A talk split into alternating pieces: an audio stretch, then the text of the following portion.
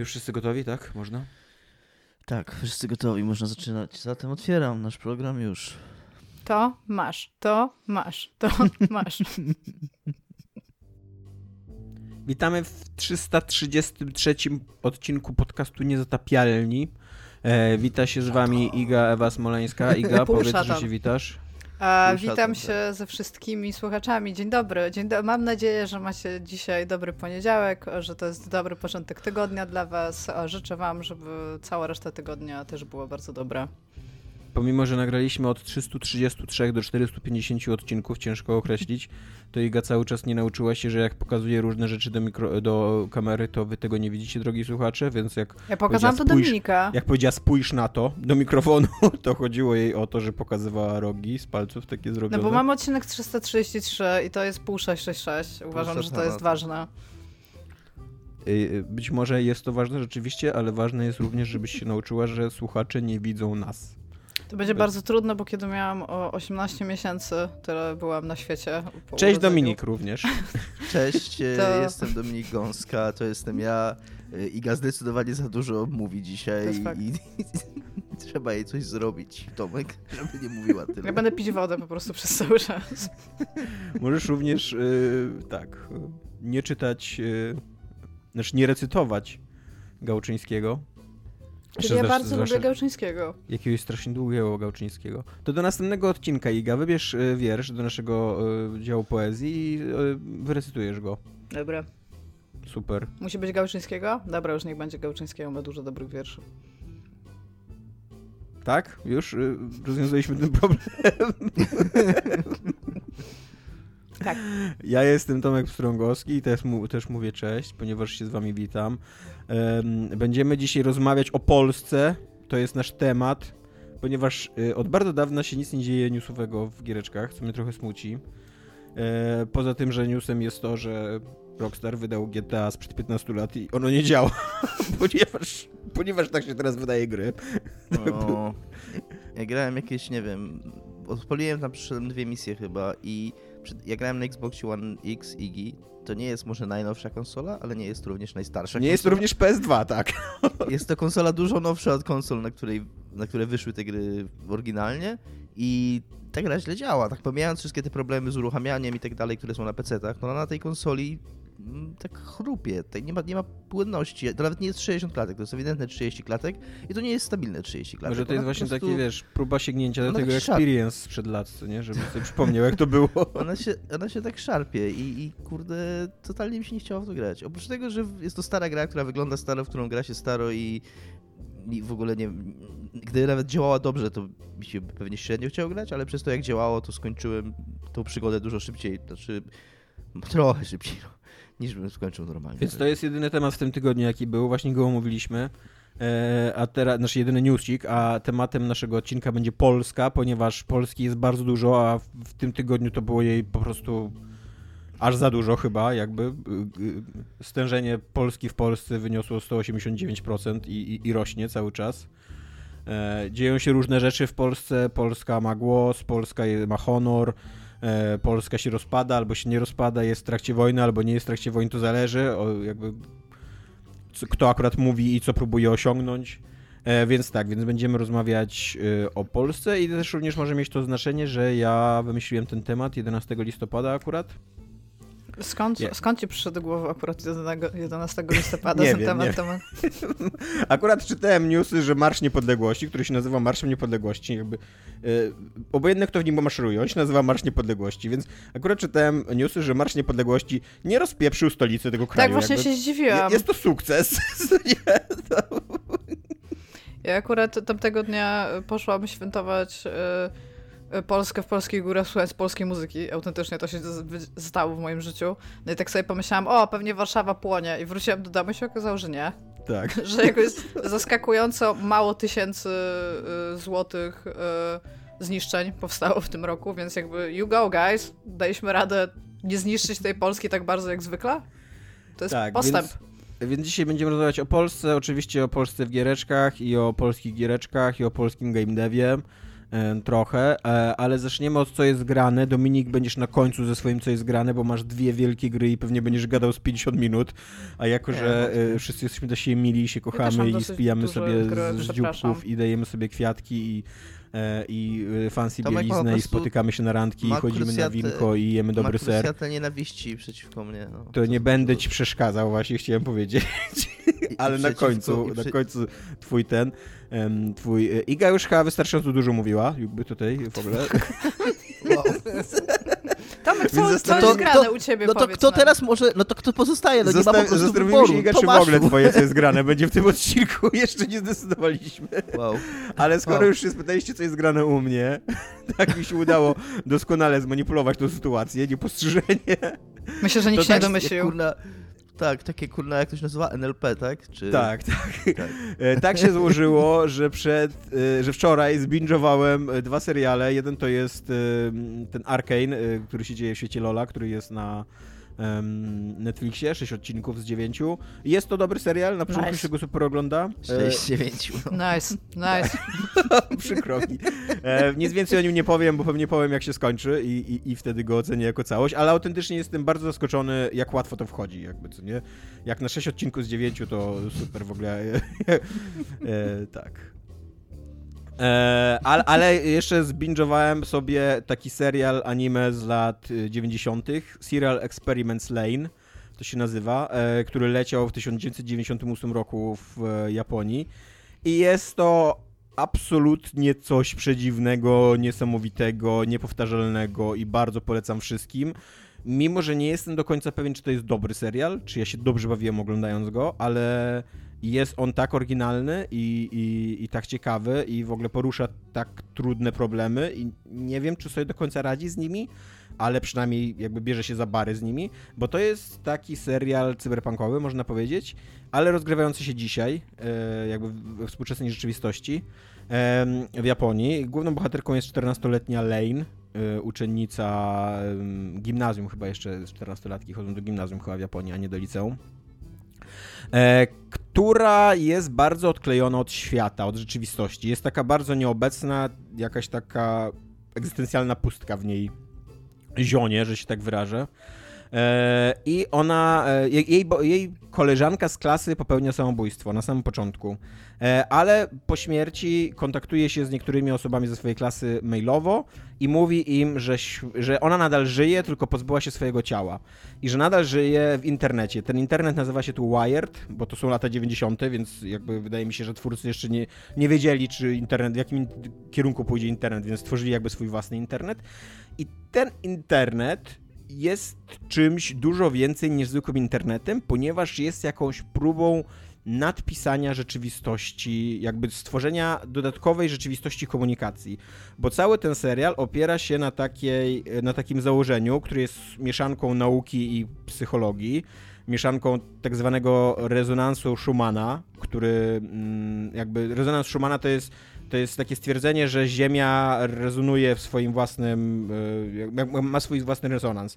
I że teoretycznie za pomocą tego rezonansu, e, to jest tam extremely low frequency, ALF to się nazywa, to spektrum jakby, na którym, na którym ona rezonuje, że teoretycznie za pomocą tego rezonansu, gdybyśmy się dostroili do niego, moglibyśmy się porozumiewać bez żadnych, moglibyśmy przekazywać informacje, dane bez żadnych przedmiotów, żadnych narzędzi jakby zewnętrznych. I do tego jeszcze, na to jest nałożona teoria Junga o tym, że istnieje coś takiego jak kolektywna podświadomość, czyli że ludzie są w jakiś sposób połączeni podświadomie ze sobą, mają wspólne archetypy, jakieś wspólne takie mm, stereotypy myślowe, kulturowe i tak dalej.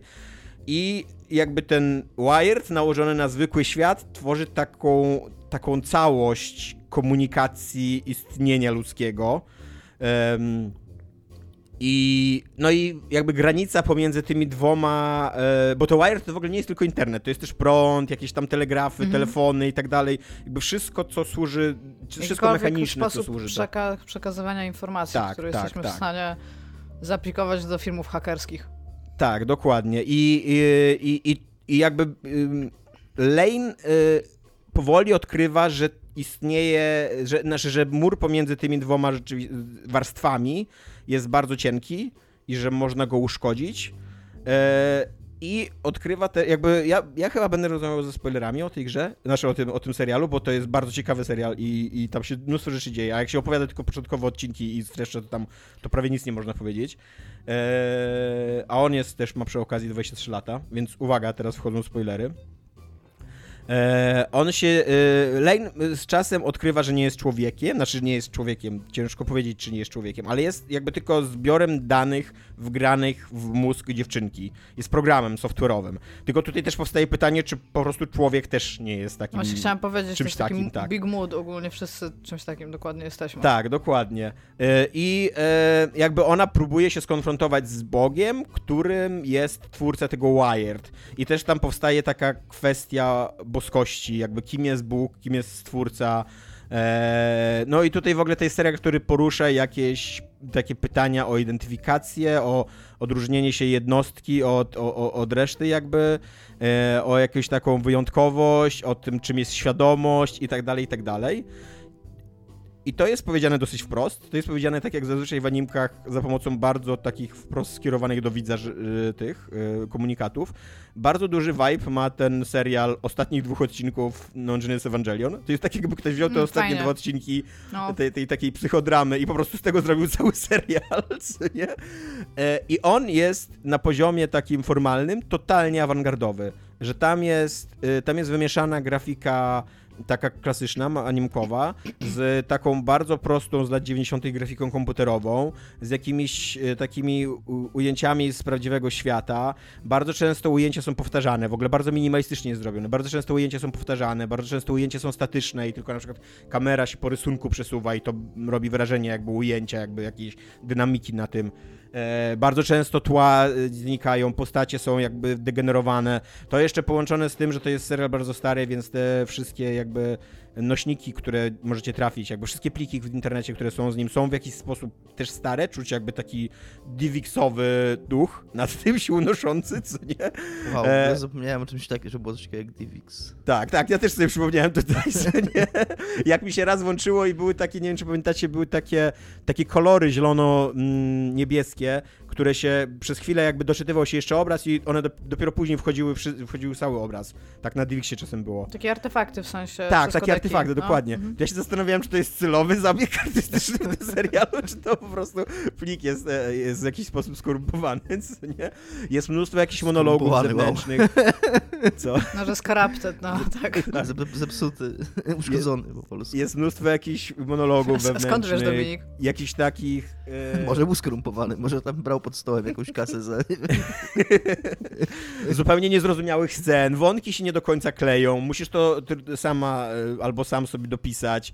E, jakby czasem się dzieją jakieś rzeczy, których nie rozumiesz, ale które się później Tomaszu, tłumaczą. jakby, y, możesz już nie mówić, ponieważ mój penis can only get Je- so erect, jakby już to- mnie tutaj jest złapałeś. No właśnie, ja nie oglądam anime i nie wiem, czy w związku z tym obejrzę ten serial, ale to brzmi bardzo, to brzmi bardzo super, ciekawie. no.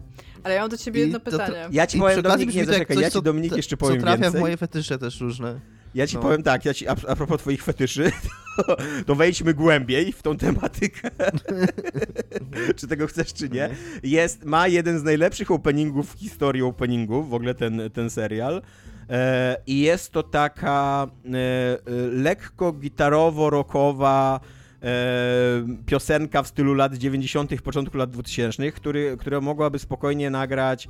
E, nie pamiętam, jak ona się nazywa. Jest- Imbrulgi?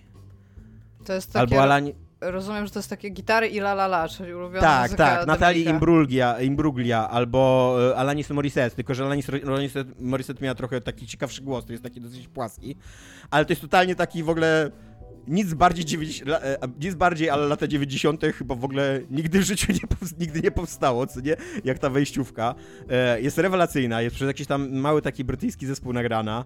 E, I tak, dokładnie tak jak Iga mówi. Jest taka delikatna gitarka i, i takie la la la, taka, taki pop, poprokowe coś tam, co nie? Britpop. I to połączone jakby właśnie z tą dziwnością tego, co, co, tam, co tam jest pokazywane w, w tej wejściówce jest niesamowite, jest, jest rewelacyjne i autentycznie bardzo wszystkim polecam. Nie wiem, czy to jest dobry serial, jakby nie potrafię go do końca ocenić, ale jest fascynujący, no. Ja mam pytanie formalne, bo anime w latach 90. jakby rządziło się troszeczkę inną dynamiką jakby rozwoju akcji i bardzo często mhm. się mówi, że one się strasznie ciągnie tam w latach 90. Tak. Czy, to, czy to jest jedno z tych? Tak. Jest najlepiej, Bardzo się ciągnie. jest najlepiej, totalnie mnie kupiłem. Tak naprawdę akcja się zaczyna do około, do około 6-7 odcinka. Około 10-11 odcinka zaczynasz e, rozumieć, e, co się dzieje. Głównie dlatego, że ci po prostu mówią wprost, co się dzieje. E, są tam, są tam takie, takie momenty, na przykład jak odcinek jest przerywany takim wykładem wprost historycznym, który ci właśnie mówi o tym Schumanie, mówi ci o projekcie Manhattan, o Roswell i tak dalej.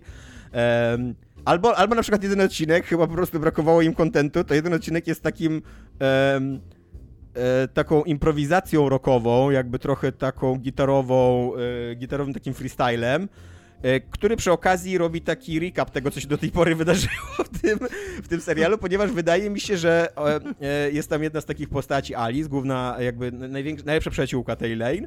I wydaje mi się, że twórcy około tego odcinka właśnie recapowego, to chyba 11 odcinek jest, zorientowali się, że trochę za mało, za mały nacisk kładli na tą Alice, że jakby, że czy, widz może, może nie wiedzieć, że to jest tak ważna postać, na jakiej im zależało, więc jakby tutaj 12 minut tak przy dźwiękach właśnie jakichś jakiejś takiej improwizacji rockowo-gitarowej, e, oni przypominają po prostu wątek Alice I, i, tak, i tak oglądasz i zastanawiasz, czy, czy przypadkiem, bo jeszcze przy okazji ten odcinek wcześniej się skończył w takim dosyć ważnym momencie i ty się zastanawiasz, czy przypadkiem ten serial już się nie skończył i czy ja teraz nie oglądam jakiegoś podsumowania? Może już nie żyje. Przypomnij tytuł, Tomek, bo ja, ja jestem zainteresowany. E, e, serial Experiments Lane. Pisane y, w ogóle w serialu pisane od małych liter, od serial Experiments Lane. Eee... Myślę, że na Google nie, ma to będzie, nie będzie to miało znaczenia. Tak, nie, nie. Myślę, że dla Google nie, nie będzie to miało znaczenia, ale autentycznie tak, jestem. A Lane, takie, tak Lane. Tak, napisane. takie Lane, tak. Okay. Wyślę wam tutaj e, wikipediowy link. Dobrze, Tomaszu. Tak? Bo mówisz tutaj dużo o muzyce i tym, jak, jak spoko tam jest muzyczka, jak może podejść e, Dominikowi ogóle... i że jest bardzo dobry tam jakiś e, eksperymentalny riff gitarowy i improwizacja. Nie ma w nim, nie ma w nim fanserwisu, co bardzo cieszy. Aczkolwiek powiedz mi, a ostatnia nasza piosenka z Unpacking, ta końcowa, która jest, jak, jak słaba jest, jakbyś się jest, ocenić jej słabość. Słaba, jest, jest bardzo słaba. słaba, prawda? Tak. Jesus fucking Christ jest taka Chciałem słaba. tylko powiedzieć a propos Nie, zniszcz moją wejściówkę, które... przejściówkę, dajesz, no, dajesz Dominik. A propos, no. za chwilę, za chwilę wrócisz do niej, tylko że chciałem jeszcze powiedzieć, że Tomek ostrzegał, że Yy, że będzie spoilował ten serial lekko w swojej wypowiedzi. Chciałem powiedzieć, że jego polski tytuł to Wirtualna Lane. Tak. Więc... Zatem autentycznie tam się takie rzeczy dzieją w tym serialu, takie... I to nie jest tak, że on jakoś szokuje albo coś, tylko on jest taki przedziwny, on ma cały czas taki e, taki nie, niekomfortowy, niewygodny klimat, trochę kina grozy, trochę jakiegoś takiego thrilleru, jakiegoś takiego mm, filmów grozy na przykład Polańskiego, takiego, takiej niepewności, takiej, że nawet normalne rozmowy są prowadzone w jakimś takim dziwnym klimacie, jakiś, z jakąś taką muzyką podbijającym zagrożenie i jak, właśnie taki dyskomfort u widza. I e, więc nawet jak, jak, jakbym ja wiedział, co się dzieje, bo przy okazji ja wiedziałem, bo tam kiedyś już czytałem o tym serialu i wiedziałem, co tam się w miarę wydarzy. I w ogóle mi to nie przeszkadzało, jakby on był. To jest, e, to jest przedziwna, piękna rzecz. E, co Powiedz do Unpacking. Mi, gdzie go można obejrzeć? E, co do gdzie go można obejrzeć? Można go obejrzeć na mm, cda.pl. E, tym dziwnym portalu, o którym, o którym czasem mówimy, że jest dziwny. E, acz, e, aczkolwiek. Ja się boję go trochę. E, nie masz się czego bać, Dominik. Nie ma się czego bać. Możesz się go brzydzić, ale nie ma się czego bać. Jakby. Nie, no w sensie ale ja tak, chciała tak powiedzieć, właśnie... że Dominik się, się wystraszył wiersza Gałczyńskiego, więc jakby... Ja, ja trochę mam taką obawę, że się czymś zarażę paskudnym, jak wejdę na ten portal. E, aczkolwiek... Ale już raz, raz mi się zdarzyło oglądać coś na nim, niestety. Tamte pliki są tak złej jakości i tłumaczenie polskie, z angielskiego zresztą, jest tak złej jakości, że niestety sięgnąłem po inne źródła. Um, takie jednookie z, z hakiem zamiast ręki. E, I tam sobie ściągnąłem e, nice. e, tak, porządną wersję Blu-ray e, i, i, było dużo lepiej. Okej, okay, say no more, say no more. E, unpacking. tak. Unpacking to tylko powiem, że to jest piękna gra i że Iga ma rację i że totalnie ona robi fantastyczne rzeczy narracyjnie. Jest tak minimalistyczna narracyjnie, że to jest głowa mała. A, a udaje jej się opowiedzieć tak naprawdę taką małą his historię małego życia ludzkiego, takiego, że takiego normalnego, zwykłego, y, prozaicznego życia, tylko za pomocą przedmiotów i... I, I, jeszcze ja bym powiedziała, że ona jest taka dosyć y, jakby... Ona nie zostawia wiele do interpretacji w tym, co tak. się tam dzieje, aczkolwiek Tomek pokazał mi dzisiaj kuriozalny tekst, w którym autor ewidentnie nie zrozumiał, co się w niej dzieje. I to jest, tak. to jest fascynujące dla mnie po prostu, A, że tak autor, stać. Myli, myli płeć e, bohaterki, ponieważ najwidoczniej nie wie, jakie przedmioty są przynależne kobietom, a jakie przedmioty są przynależne mężczyznom. Ale czy Jak... tak naprawdę istnieją jakieś przedmioty, które są przynależne Znaczy, oczywiście, że nie, tylko że ta gra nawet jakby oda ci na sam końcu daje takie jakby zdjęcie, gdzie masz tak. pokazane jakby co się dzieje w tej grze. Jeżeli jeszcze nie skumałeś, to jakby łączy za ciebie te kropki. A tutaj autor tekstu ewidentnie jakby stwierdził, nie, to się nie dzieje, ponieważ biały człowiek w naszych czasach nie może robić takich rzeczy po prostu, no. I to jest, to jest aż przejmująco zabawne, no ale czytając opis e, tego pana, który sam sobie opisał, to jakby widzę skąd to się bierze w pierwszych dwóch e, słowach, które to stworzył. Nie będę tak, tutaj mówić imienia i nazwiska. Jest hermetyczna.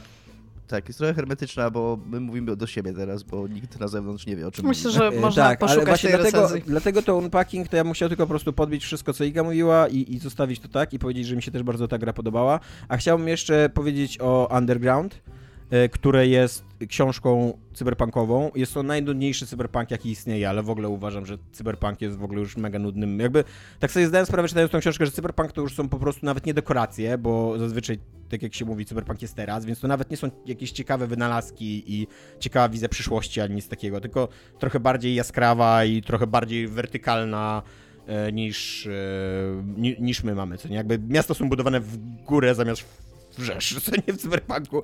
Się różni cyberpunk od, od, od, od współczesnej rzeczywistości. Jest to czeska książka e, człowieka, który się nazywa Frantisek Kotleta, czyli chyba Franciszek Kotlet, jakbyśmy na polski tłumaczyli. E, e i ona opowiada o takim weteranie wojny, ona się dzieje w 2107 roku, o weteranie wojny opowiada polsko-czeskiej, e, którą Czesi przegrali i stracili Murawy bodajże.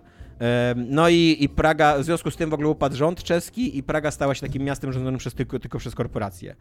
E, I, I ten oczywiście główny bohater jest tutaj takim weteranem tej wojny takim prywatnym detektywem ulicznym jakby, takim człowiekiem, który załatwia sprawy. I oczywiście z zewnątrz jest bardzo taki cyniczny i twardy, ale wewnątrz kryje w sobie tam e, e, wrażliwą duszę. Jest to książka fatalna. Szczepy. Ma sztuczną nogę, tak. Jest to książka fatalna, tak totalnie 1 na 10. Ja wam przeczytam kilka zdań, które, które w tej książce o, przeczytałem. Lubię, lubię, dajesz. Na przykład jest tak. Pistolet ryczał jak suka, której facet załadował po raz pierwszy anal bez smaru. O mój Boże. Albo o, Jaśmina... nie przestawaj Tomek, dajesz. Jaśmina ze stacji me metra Kolbenowa ma trzy cipki i dwa otwory analne. Kuzyn przeleciał je wszystkie. Mówi się na to złota piątka Jaśminy. Eee Albo o, o, o, takich starych jakby pankach, którzy, którzy nie, nie, nie godzą się na to, że y, internet wszystkim rządzi. E, jakby podobnie jak ich stolce, było to coraz rzadsze, to co oni robią, co nie to ta, ta ich niezgoda. e, albo dalej, o głównym bohaterze. Była to bardziej żenująca sytuacja, niż gdybym odciął swoją sztuczną nogę i użył jej jako narzędzia do masturbacji bliźniaczek Trank podczas walenia w bębny na melodię przyśpiewki Moja kuciapka lubi kisiele. What the fuck? I jeszcze, jeszcze byliśmy jak najładniejsza dziewczyna na imprezie dla swingersów, do której lepią się wszystkie chłopaki z erekcją, podczas gdy brzydkie grubaski siedzą w kącie. E, więc jak widzicie, książka nie jest zbyt ambitna literacko, nie jest też ambitna popularnie. gdzie byłeś? Co widziałeś? jak tak. toczyło się twoje życie w ogóle? Franciszku. Opowiedz tam o tym, a może lepiej nie. tak. Nie jest też ambitna literacko, a absolutnie ja tam taka frustracja wszystkie, seksualna w ogóle Wszystkie schematy fabularne kopiuje, jakie są do, do, do do skopiowania. Nie, e, nie tworzy żadnej postaci kobiecej. Do, e, w ogóle nawet nie, czemu? postaci nie tworzy. Wiesz co, postać, postaci kobiece są takie, postaci kobiece są tutaj stworzył takie. taką postać kobiecą, Tomek, że aż kurna jest pięć razy bardziej postacią kobiecą niż normalne. wszystkie najważniejsze postaci kobiece są oczywiście prostytutkami, bo, bo jak żeby inaczej. I, I one są jakby takimi prostytutkami, które pobudzają wyobraźnię człowieka za pomocą szczepu, więc tak naprawdę nie uprawiają z nimi fizycznego seksu, tylko odnajdują ich najbardziej ukryte pragnienia i to jest tak pobudzające, że, oni, że ci ludzie dochodzą e, w zasadzie w ogóle bez żadnego Spodnie. fizycznego kontaktu. E, i, I wyobraź sobie, że jak oczywiście główny bohater idzie z, jednej, z jedną z nich do, do łóżka w końcu, to, to musi być ten oczywiście stereotyp męskiego mężczyzny i, i, i takiej kobiecej, delikatnej ko- kobiety, więc mimo, że ona jest seksworkerką i naprawdę wszystko w ogóle o seksie, o podświadomości ludzkiej, o jakichś najdziwniejszych pragnieniach i tak dalej, to zachowuje się podczas tego seksu Jakby jak dziewica raz, i tak. jest totalnie taka zarumieniona i taka bezbronna i a on ją bierze jak ten facet, jak ten prawdziwy sam jest taki. Jest to okropne. Eee, nic nie ma w tej książce dobrego, autentycznie. Nawet tłumaczenie jest słabe. Tłumaczenie jest na przykład takie, takie bardzo nie, nie, niechlujne, że uniknęli cholernie rosnącej liczby strzelców. No, po polsku się nie mówi cholernie rosnącej. Nie wiem, jak się mówi po czesku. Albo odblokowali broń. Nie, nie odblokowuje się broń, tylko odbezpiecza się broń. Główne bohaterki Znaczy są może na, jak na... broń była w jakiś sposób zablokowana To wcześniej. nie jest zablokowana, jest zacięta. A skąd wiesz, jeżeli na przykład jest zablokowana pomiędzy ścianą a, A, no samochodem, to może tak. E, te, główne te, te główne bohaterki, te, te, te, prostytutki są nazywane w kółko transdziwkami i transkurwami, co z jednej strony mówi e, bardzo źle o bohaterze, bo on, on w pewnym momencie zaczyna je lubić, a mimo to nie zmienia języka, e, a z drugiej strony jest bardzo niebezpieczne w tłumaczeniu na polski, nie wiem jak to jest w tłumaczeniu na, e, znaczy, znaczy jak to było w oryginale czeskim, ale w tłumaczeniu na, na polskim jest bardzo niebezpieczne, bo jest to transfobiczne po prostu, nie? I, I tłumacz powinien być na tyle wrażliwy, żeby wiedzieć, zdawać sobie sprawę z tego, że język polski ma jakieś swoje uwarunkowania że to nie brzmi... powiedz, kto był tłumaczem. dobrze. Masz tam gdzieś pod ręką? E, nie, nie mam gdzieś, ale, ale mogę zaraz znaleźć. E, I tak, i w każdym razie, jakbyście chcieli czeski underground, e, czeski cyberpunk, który się nazywa Underground, który był podobno bestsellerem i w Czechach, i w Polsce, chociaż ja nigdy nie słyszałem wcześniej o tej książce, zanim o niej nie usłyszałem, e, to, to bardzo odradzam. To, to, to jest autentycznie bardzo zła i dosyć obrzydliwa książka. E, I tyle mam do powiedzenia na jej temat. E, no, to tyle. Przepraszam, że się rozgadałem. Tymczasem Polska wchodzi na pełnej K. E, I zaczniemy teraz od Dominika, bo Iga zadawała więcej pytań, więc jest trochę wygadana, a Dominik nie. Powiedz mi, Dominiku, czy fakt, że gra w ogóle pochodzi z Polski ma dla Ciebie znaczenie? Czy traktujecie gry, z, czy traktujesz gry z Polski jakoś łagodniej, czy nie? Mm, wydaje mi się, że teraz już nie. Że od jakiegoś czasu, pewnie mniej więcej od czasu Wiedźmina 3, yy, taka, takie podejście czy takie myślenie się skończyło u mnie, bo przez długi czas trochę niestety miałem w sobie, niestety, bo uważam, że to jest fundamentalnie dosyć głupie, yy, ale miałem w sobie taką, taką potrzebę przez to, jak byłem zainteresowany tym rynkiem, jak interesowałem się sam grami i przez to, jak się czułem i, i czuję Polakiem. E, Jakkolwiek mówię, teraz uważam, że to jest dosyć niedorzeczne, ale o tym za chwilę. E, To, to przez długi czas jakby wypatrywałem tego sukcesu, tego, tego wejścia naszego, przebicia tego szklanego sufitu, wejścia do pierwszej ligi, e, żeby faktycznie, żeby się robiło w Polsce gry i żeby robiło się w Polsce gry nie tylko dla Polaków, bo przez długi czas w Polsce te gry, szczególnie w latach 90., y, powstawały jako takie polskie bieda wersje gier, które osiągnęły sukces i były popularne akurat wtedy w Polsce zachodnich, to mieliśmy polskiego Warcrafta, mieliśmy Polanie i tak dalej, nie? Y, I chciałem, żeby właśnie tak wypatrywałem tego, tego sukcesu i pamiętam jak, z, jakim, y, z jakimi wypiekami na twarzy śledziłem y, recenzje i reakcje na pierwszego Wiedźmina, który miał być pierwszą taką naszą grą, y, która osiągnęła taki sukces i poniekąd otworzył on trochę drzwi do tej prawdziwej gry, która stała się czymś takim.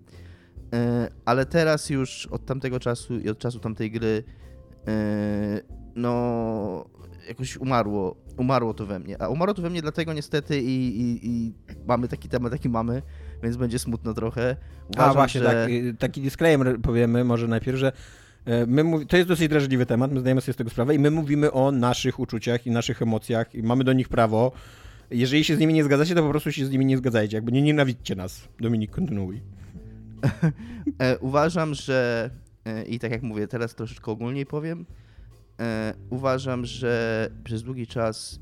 Teraz jest dużo takiej retoryki wokół, szczególnie ze strony partii rządzącej i osób im sprzyjających, takiej retoryki mówiącej o tym, że też wokół tego, co się dzieje z Unią Europejską i, i, i z, z tą kwestią praworządności, że my zbyt długo czuliśmy się gorsi od innych i że daliśmy sobie, da, dawaliśmy sobie narzucać jakieś rzeczy i że teraz jest czas, żebyśmy przestali czuć się gorsi, że możemy być równorzędnym partnerem dla innych.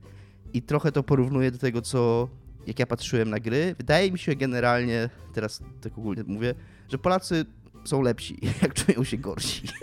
Bo jak się zaczęliśmy czuć lepsi i jak się zaczęliśmy... Jak są pokorni. E, jak są, właśnie, to, to o to mi tak naprawdę chodzi, nie? Że, że jak zaczęliśmy, że jak trochę właśnie posmakowaliśmy tego dobrobytu i tak trochę, nawet nie, powie, nie powiedziałbym, że my już weszliśmy do tej pierwszej ligi zachodnich krajów europejskich, ale tak jakby pół stopy wsadziliśmy przez, przez te drzwi w ciągu ostatnich powiedzmy 10-15 lat, e, to nagle po prostu zaczęły wychodzić z nas takie rzeczy, nie mówię, że ze wszystkich i nie mówię, że zawsze i że cały czas, ale niestety dużo takich rzeczy, no wystarczy spojrzeć na to, co się dzieje na granicy i jakie komentarze ludzie, yy, to co wspominałem ostatnio, znowu teraz było jakieś, yy, jakieś tam zamieszanie i, i, i jakaś tam próba, próba siłowego prze, prze, prze, dostania się przez tą granicę i widziałem pełno komentarzy takich. I to na gazecie, gdzie, która jest raczej, nie chcę powiedzieć lewicowa, nie? ale powiedzmy mm, trochę w kontrze do, lekko, tak,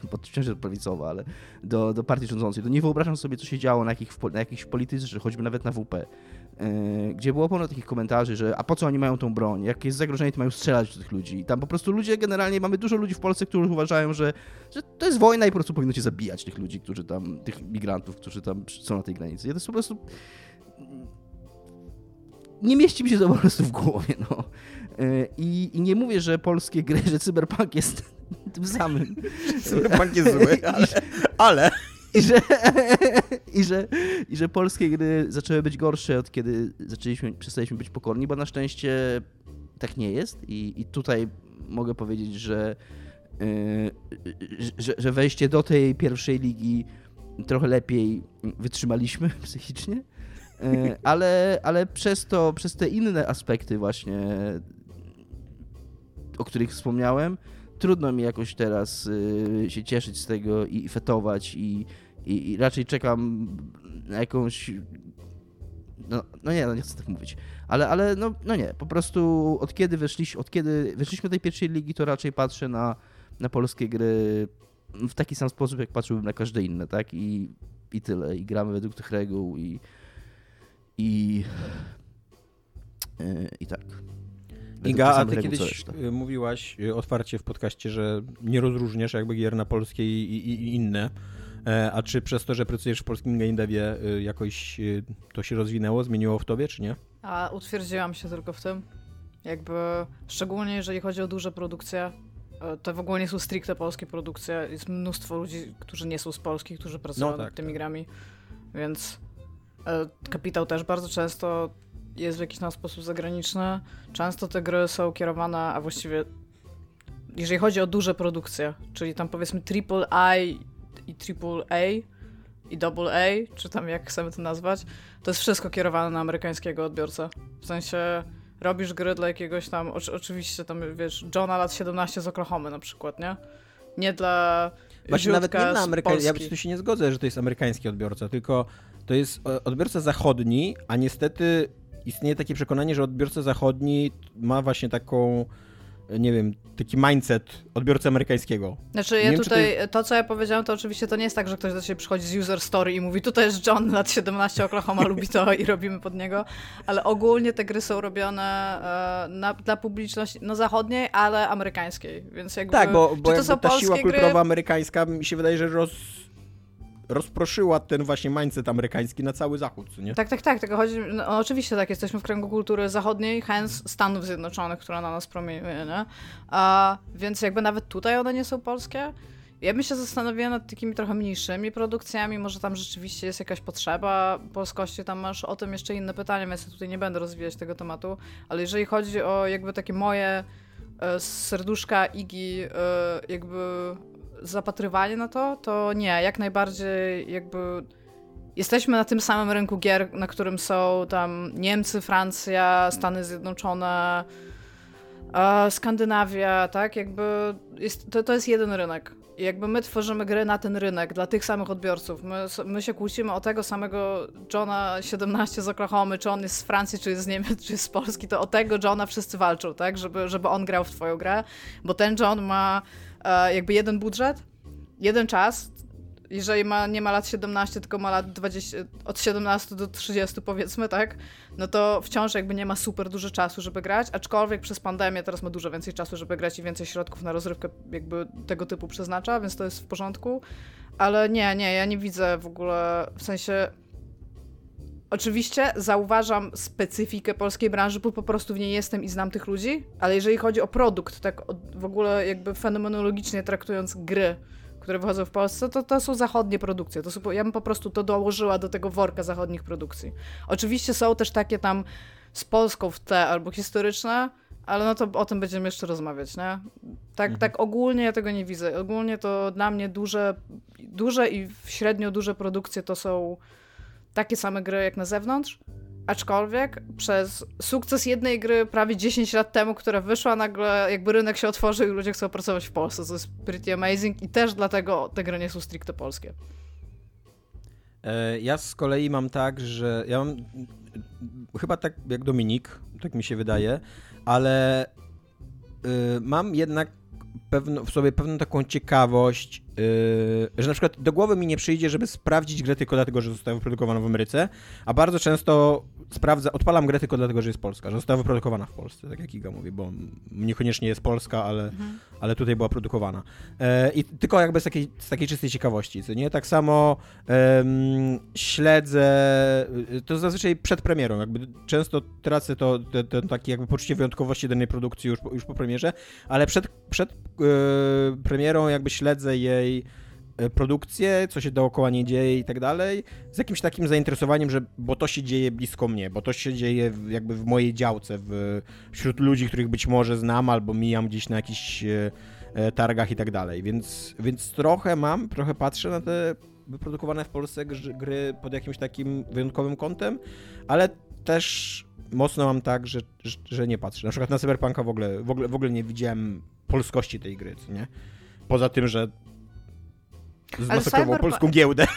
Tak, w ogóle Cyberpunk też jakby odebrał Polsce to, co dał jej trochę Wiedźmin, bo przez Cyberpunka e, jakby my możemy nie traktować siebie e, jakby jako, jako jakiś taki jednolity rynek, natomiast na zachód, jeżeli bardzo długo było tak, że jeżeli to była polska gra, to było o, to jest polska gra, na zasadzie tam też zrobili Wiedźmina, nie? To teraz to jest, mhm. o, to jest polska gra, oso, tam też wyszedł Cyberpunk. Więc ten rynek jest taki, e, lubi łączyć te kropki, nie zawsze. O, w taki sposób. Jakby tam, tam gdzie da niekorzyść, to mogą połączyć raz na jakiś czas. Dobra, e, to teraz najlepsza polska gra ever, e, ale z takim zastrzeżeniem, że jeżeli wybierzecie Wiedźmina 3, to musicie wybrać jeszcze jedną grę. Jakby żeby było ciekawie. E, Dominik? Mm, Wiedźmin 3 to jest moim wyborem. Uważam, że jest to obiektywnie, znaczy obiektywnie, tam na tyle na ile, nie? ale z powodów, które już były mówione w tym podcaście wiele razy i nawet w tym odcinku, to nawet nie będę powtarzał, bo nawet tym powodem jest to, że ta gra się pojawiła w pytaniu. Uważam, że są dwa bardzo ważne studia robiące gry w Polsce. Jest to CD Projekt jest to People Can Fly i uważam, że najlepszą grą People Can Fly jest Bulletstorm i uważam, że jest to najlepsza polska gra, która nie jest Wiedźminem. Ja bardzo się zgadzam z faktem, bo to jest w ogóle najlepsza polska gra. Bulletstorm jest najlepszą polską grą, która wyszła. Dlatego, że po pierwsze jest dobrą grą, w odróżnieniu od Wiedźmina 3, który był dobrym one of those, jakby bardzo dużo fabularną rzeczą, aczkolwiek nie był tak fan grow jak Bulletstorm, a Bulletstorm jest po prostu pretty fucking fun grow. Jest, jest po prostu fan grow jako, jako, jako interaktywnym jakby medium i tytułem growym Bulletstorm jest moim zdaniem lepszą grą niż Wiedźmin 3. Dziękuję. I to jest moja odpowiedź też. E, ja też mam Bulletstorma, więc, więc chyba obiektywnie Bulletstorm jest po prostu najlepszą polską grą w historii, jaka wyszła. E, ale też zastanawiałem się tak trochę szerzej. E, ja w ogóle uważam, że jest dużo fajniejszych gier wyprodukowanych w Polsce niż tylko Wiedźmin 3. Jakby też nie jestem jakimś wyznawcą Wiedźmina 3. Jakby doceniam, doceniam, doceniam, co Wiedźmin 3 zrobił i jak wielki sukces odniósł i i jaką był grą. Jakby absolutnie nie mówię, że był złą grą, ani coś takiego. Ale na przykład mam tu też wypisane Ruinera, który był rewelacyjnym dual stick shooterem. Ale też był jakby strasznie taki sam jak wszystkie inne dual stick shootery, Tak, nie? tak, ale był, ale jakby w, No tym, tak, tak, tak, w tej kategorii był po prostu top notch, co nie? Taki absolutnie... To tak jak Horizon Zero Dawn, najlepsza gra Ubisoftu, która nie jest Ubisoftu. Tak, tak. No. E, Anamale Wars on Earth, nie wiem czy pamiętacie taką grę, ale ona była kiedyś wielkim sukcesem i, i naprawdę była dobra w tym, co robiła. Em, to był taki odwrócony em, tower defense. E, i, i, I bardzo mi się dobrze w nią grało. I jeszcze, i jeszcze chciałbym wyróżnić taką małą indie gierkę, do której mam wielki sentyment, e, która się nazywa Ronin. Została wyprodukowana przez jednego człowieka, Tomasza Wacławka i wydana przez Devolver.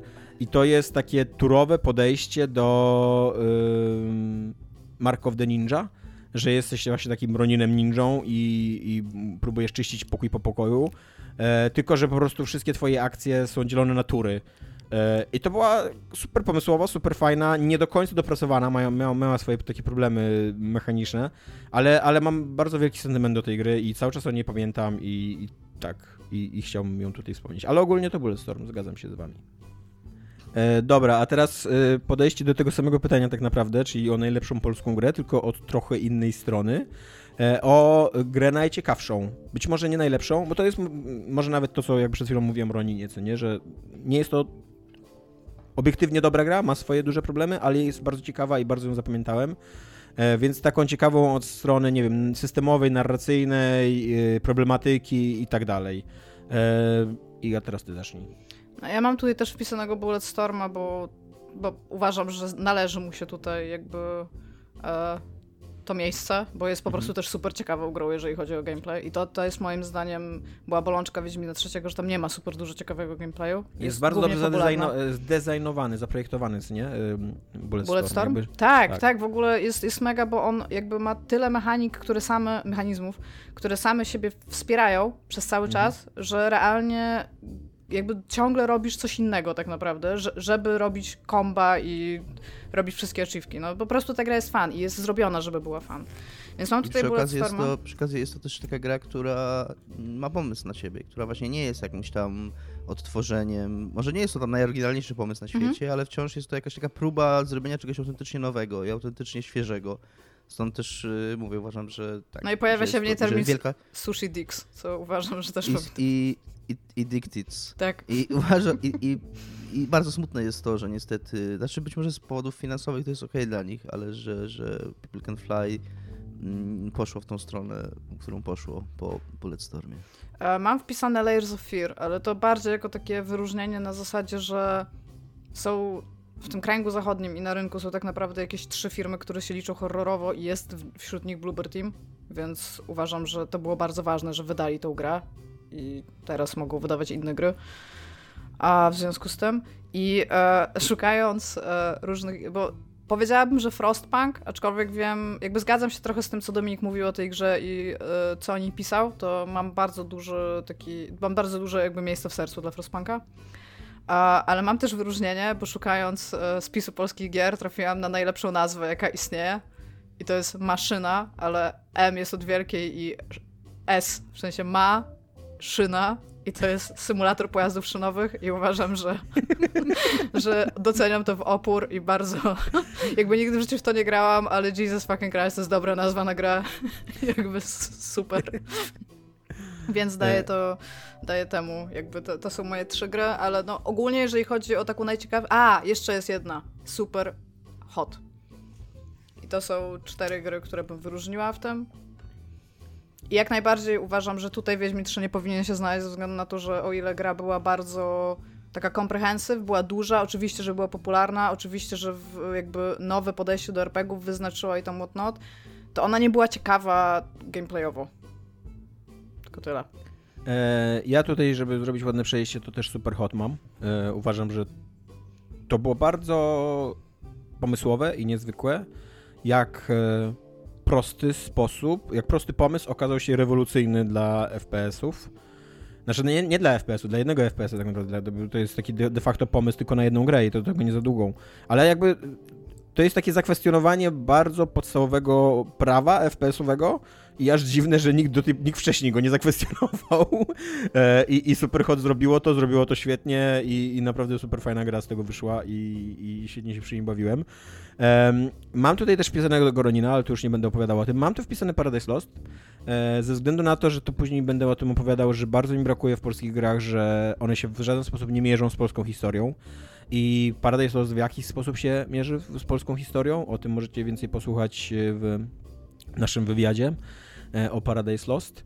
E, ale, e, ale co do Paradise Lost mam, mam trochę zastrzeżeń co do tego, jak ona się mierzy jakby z polską historią. Trochę mi, trochę mi brakowało bardziej takiej, większej szczerości i większe, większego pójścia w kierunku jednak jakichś prawdziwych wydarzeń, a mniejszego w kierunku tej spekulatywnej fikcji, co nie, czyli takiego, te, te, tej tej spekulacji historycznej, co tam się wydarzyło. W ogóle, w ogóle też uważam, że ta gra ma taki problem, że ona niby jest o historii, de facto dosyć mało się interesuje tą alternatywną historią. Jakby tam można było dużo powiedzieć, ale dużo więcej powiedzieć i dużo ciekawiej powiedzieć i dużo ostrzej albo nawet niekoniecznie o Polsce, bo też można uważam, że ona powinna być dużo ostrzejsza um, wobec nazizmu. E, zwłaszcza, że, że, że ona bardzo bazuje na tym, e, na takim E, estetycznym zachwycie nazizmem, który jest jakby bardzo powszechny, bo tam nazizm po prostu był ładny, co nie na tym, na tym polegał też no kurde, sukces nazizmu. Tak, no za, tak. zatrudnili najlepszych projektantów, oni tak. zrobili dobrą robotę, kto by się tak. spodziewał. No i, no i ta gra właśnie dzięki, dzięki tej lokacji Paradise Lost mocno, mocno na, tym, na tym żeruje i, i spoko, to jest zrozumiałe, ale chciałbym, żeby to było trochę kontrowane właśnie takim głębszym wejściem w, w nazizm, w, w takim, w, czy, w czym, czym jest nazizm, jakie potworności tłumaczył nazizm, jak pokrętna i tak naprawdę nielogiczna jest logika nazizmu e, i w ogóle taka właśnie logika rasizmu i, i, i tak dalej. Tego niestety Paradise Lost nie robi, moim zdaniem. I jeszcze sobie wpisałem e, We The Revolution, które jest y, gierką y, Polislash wydaną przez Klabater y, na temat rewolucji francuskiej. Ja w nią nie grałem za długo, grałem w nią 2-3 godziny, bo trochę mnie przytłoczyła ilość systemów, jaka jest w tej grze. Aczkolwiek doceniam to, że ktoś się starał autentycznie opowiedzieć o rewolucji, o mechanizmach rewolucji i o tym, jak umierają ideały i jak trudno jest się pomiędzy skrajnościami poruszać. Jak, I też przy okazji bardzo dobrze w kontekście historycznym to osadził. I tak, i, i w grze nie, nie, nie, nie bazującej czysto na fabule, ale właśnie za pomocą mechanik opowiadającej o, o, o tym, e, co się, co się działo i coś, co, się, co się wydarzało i tak dalej. Więc, więc to są gry, które ja bym chciał e, tutaj wyróżnić. Dominik, dla ciebie najoryginalniejsze albo najciekawsze polskie gry? Ja... Wiedźmin nie Pierwsza odpowiedź, pierwsza odpowiedź na to pytanie moja była trochę taką odpowiedzią żartem, ale pójdę w tą stronę. Maszyna. A. Jest to Wiedźmin, ale jest to Wiedźmin 1 oczywiście, nie Wiedźmin 2, nie Wiedźmin 3. E, I nie tylko z powodu jego spuścizny, że tak powiem, czy nie wiem jak to nazwać, tego co nastąpiło później, może nie spuścizna to jest złe słowo. E, dobre słowo. Ale, no tak, w sumie tak. E, nie, Wiedźmin 1 powstał jeszcze się ładnych czasach... polskich słów tylko dlatego, że nam się kojarzą. nie, nie, nie, nie dlatego, że się kojarzą, po prostu, no nieważne, zostawię to, nie, nie dlatego powiedziałem, że to nie pasuje, ale nieważne. E, Wiedźmin 1 powstał jeszcze w tamtych czasach właśnie to, o czym mówiłem, że, że Polacy często, polscy twórcy gier często mm, ich jedynym pomysłem, jaki mieli na siebie, to wzięcie gry, która jest popularna akurat w Polsce, typu, nie wiem, Gothic i zrobienie swojej wersji. Było coś jak Two Worlds, to był taki polski Gothic, nie? To jakby dużo było takich gier, które były polskim czymś.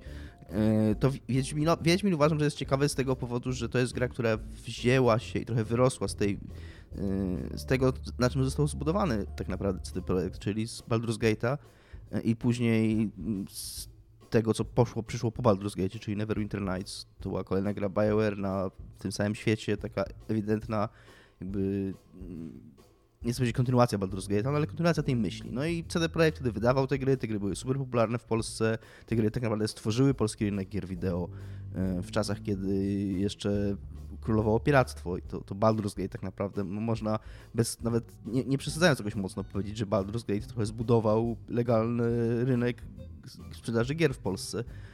E, więc CD Projekt, kiedy wchodził, kiedy powstał ten pomysł w CD Projekcie, że dobra, robimy gry, to, no to wydawało się, że takie oczywiste to, że no to robimy takiego polskiego Baldur's Gate'a, polskie Neverwinter Nights z Wiedźminem.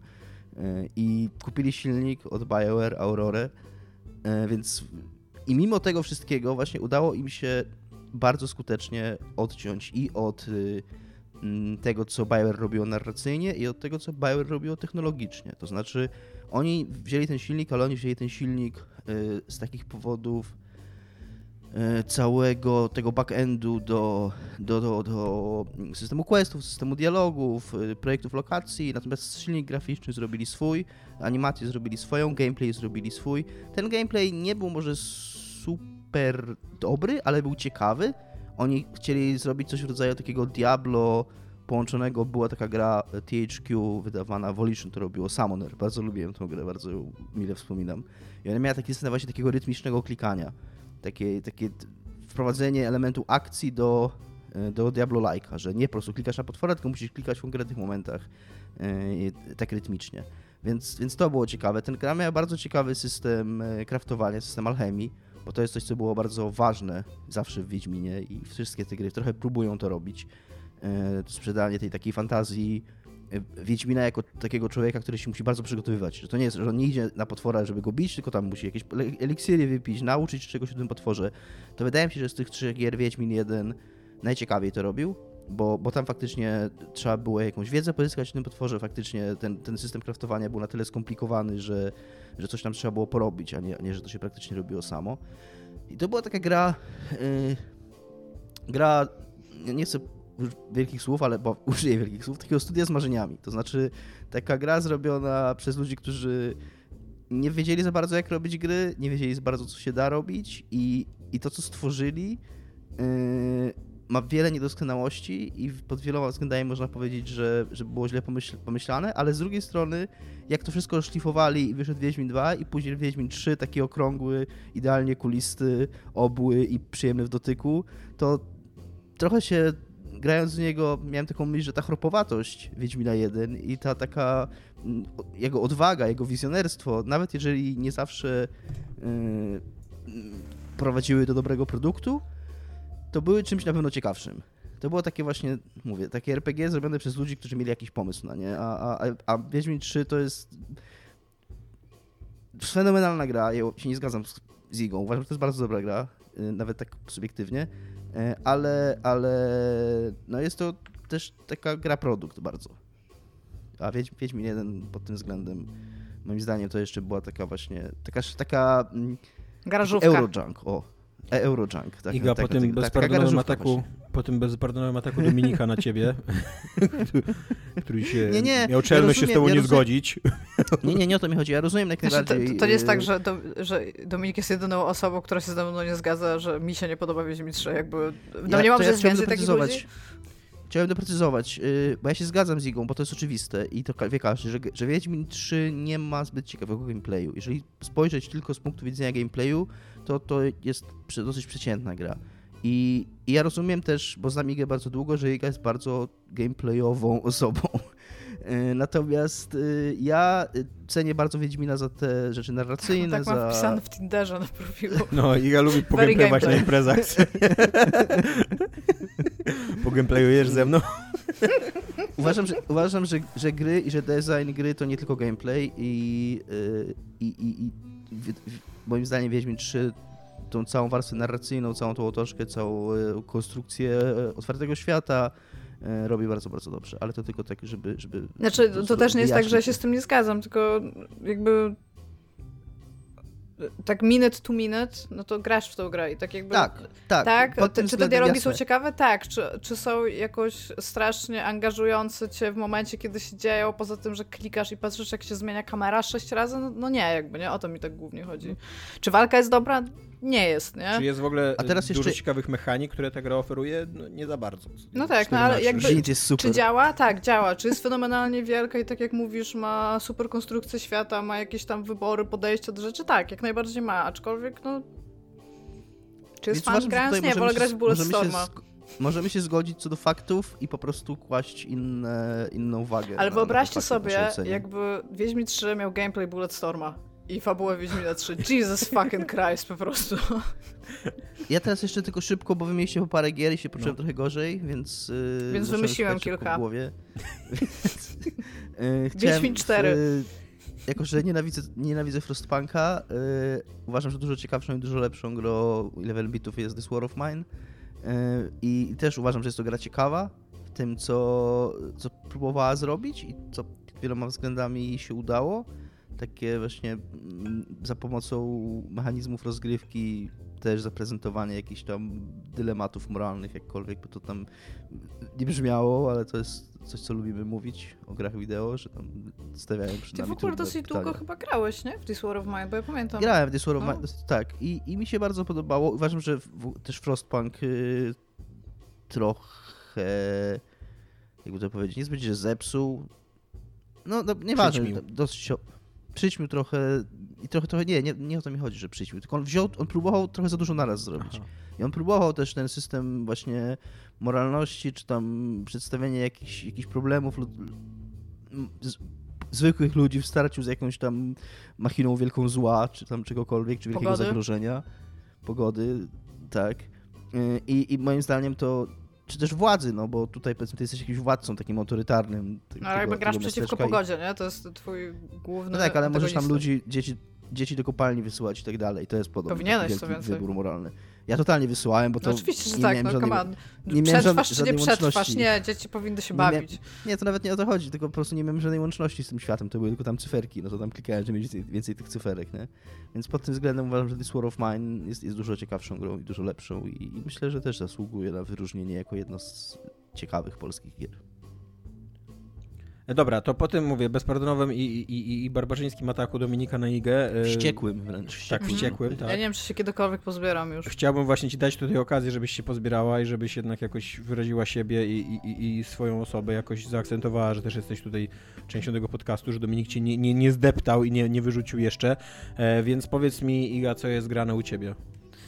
Ja mam dwie gry AAA. Jedna z tych gier jest grą Activision, a druga z tych gier jest grą EA, więc jest, jest dzie- dzieje się u mnie w życiu trochę. Odnajduję siebie, staram się jakby tapować do mojego jakiegoś core.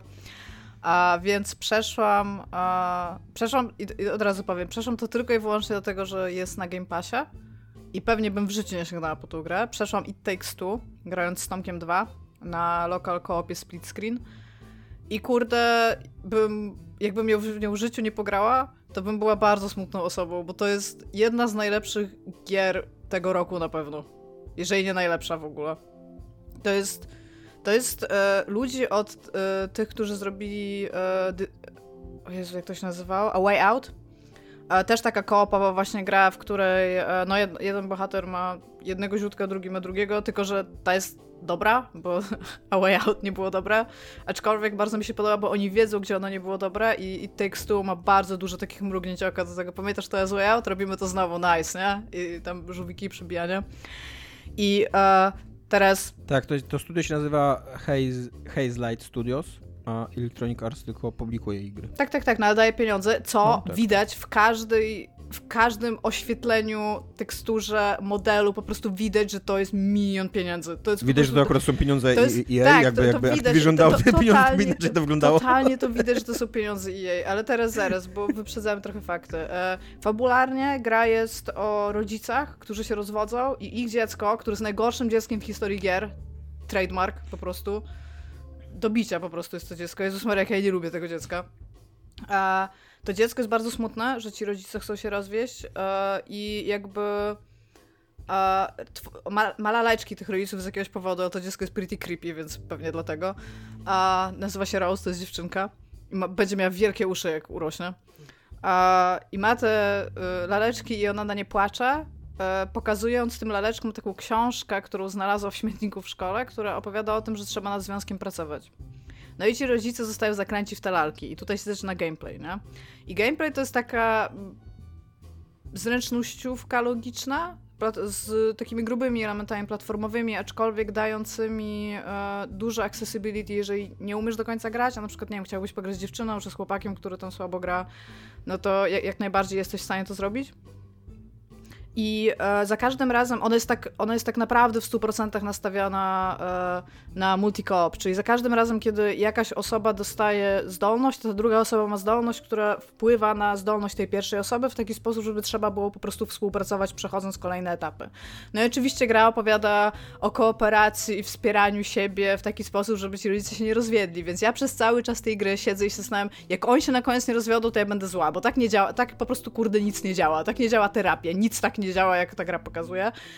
I na szczęście zakończenie jest dosyć otwarte, nie będę tutaj mówić dokładnie, co się dzieje, natomiast nie ma takiego, ej, jednak przeżyliśmy wspaniałą przygodę i się nie rozwodzimy, co uważam za dosyć uczciwe i okej. Okay. I teraz tak, e, gra praktycznie co 15 minut zmienia gameplay.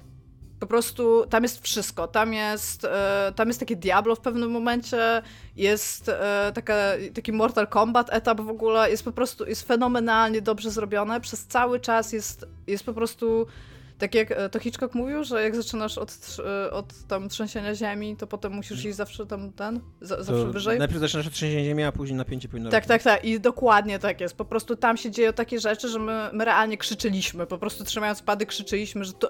Oczywiście, że teraz to się dzieje. I nie ma praktycznie żadnego reuse'u asetów. Coś wykorzystaliśmy raz, na śmiecie, robimy nowe. Po prostu to jest... To jest jakbym, jakbym miała komuś pokazać grę, jak się nie robi gier teraz, to to by była ta gra. Tylko, że ona wyszła i ona jest fenomenalnie bardzo dobra i mam nadzieję, że kurde, duże studia wezmą to pod uwagę. Ludzie nie chcą dużych open worldów i whatnot. Ludzie chcą tego typu rozgrywkę, gdzie przez cały czas coś się dzieje. My realnie nie byliśmy znudzeni chyba nawet przez 5 minut. Ostatecznie można by było ominąć połowę przedostatniego etapu, bo tam miałam takie troszeczkę wrażenie, że się dłuży, aczkolwiek jak zaczynacie myśleć o tym, dlaczego wam się to dłuży, to i tak i tak ta gra non-stop robi coś nowego. Wygląda fenomenalnie, jest udźwiękowiona fenomenalnie, jest grywalna po prostu miodna.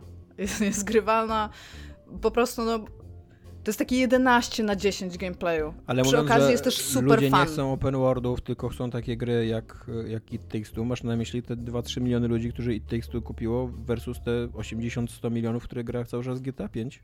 Trochę tak, no. To są, to uważam, są te ludzie. U, uważam, że po prostu. To są, to, oni są zepsuci, oni są na śmieci, tak jak asety w tej grze.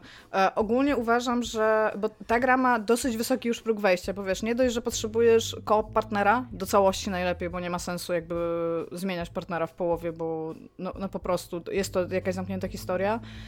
E, ma, ma nawet fajną tą historyjkę, którą tam pokazuje. Pokazuje ją w ogóle w taki w ogóle pixarowsko, disneyowski sposób, co też już w ogóle zawsze jest tam na plusie. Ma naprawdę fan rzeczy, które się dzieją w samym w samej grze. Na zasadzie ma bardzo dużo opcjonalnego takiego, opcjonalnych treści, które, które możesz znaleźć, ale nie musisz i wszystkie z nich są fan. Stawia, jest to w 100% nastawienie na kooperację, ale ma też bardzo dużo takich minigierek, które, w których jesteście jakby competitive ze sobą, jak się mówi. Rywalizujecie. Konkurujecie. Rywa tak, rywa rywalizujecie ze sobą, co w ogóle już też wprowadza super, bo jakby jest duże napięcie pomiędzy tymi bohaterami. Oni naprawdę chcą się rozwieść. Oni nie potrafią ze sobą w ogóle rozmawiać. Więc za każdym razem kiedy podchodzisz do takiego challenge'a, gdzie musisz coś robić przeciwko kogo, komuś, to oni mają taki bardzo dobry tam shit talk na siebie. Jest naprawdę super, plus potrafi być mega brutalna. Jestem taki w ogóle cały, e, cała sekwencja tego, bo ty chcesz jakby... To ma totalnie sens w świecie gry, ale chcesz zmusić waszą córkę, żeby popłakała się, więc niszczycie jej najlepszą zabawkę i po prostu co się tam dzieje, to jest takich 5 minut, gdzie oni ciągną tą zabawkę, urywają jej nogę, urywają jej ucho i zrzucają ją z szafki i ta zabawka nie chce się puścić i płacze, jest super cute, jest po prostu coraz gorzej. Żyje, tak? tak, tak, bo oni są w takim jakby magicznym świecie, gdzie te wszystkie zabawki jakby żyją, nie? Wszystkie biomy w ogóle są też takie każdy jest inny, w sensie każdy jest tak zaprojektowany zupełnie w inny sposób i wszystkie są fan. Ale ten, to, to w ogóle ta trauma z zabawką w ogóle kończy się też takim dialogiem, że jak im w końcu to wychodzi, to ziomek mówi do tej babki, że ja będę potrzebował długiej terapii po tym, co właśnie zrobiliśmy. I ona jest taka naprawdę też dobrze napisana. Ona jest w ogóle, ona jest napisana zabawnie.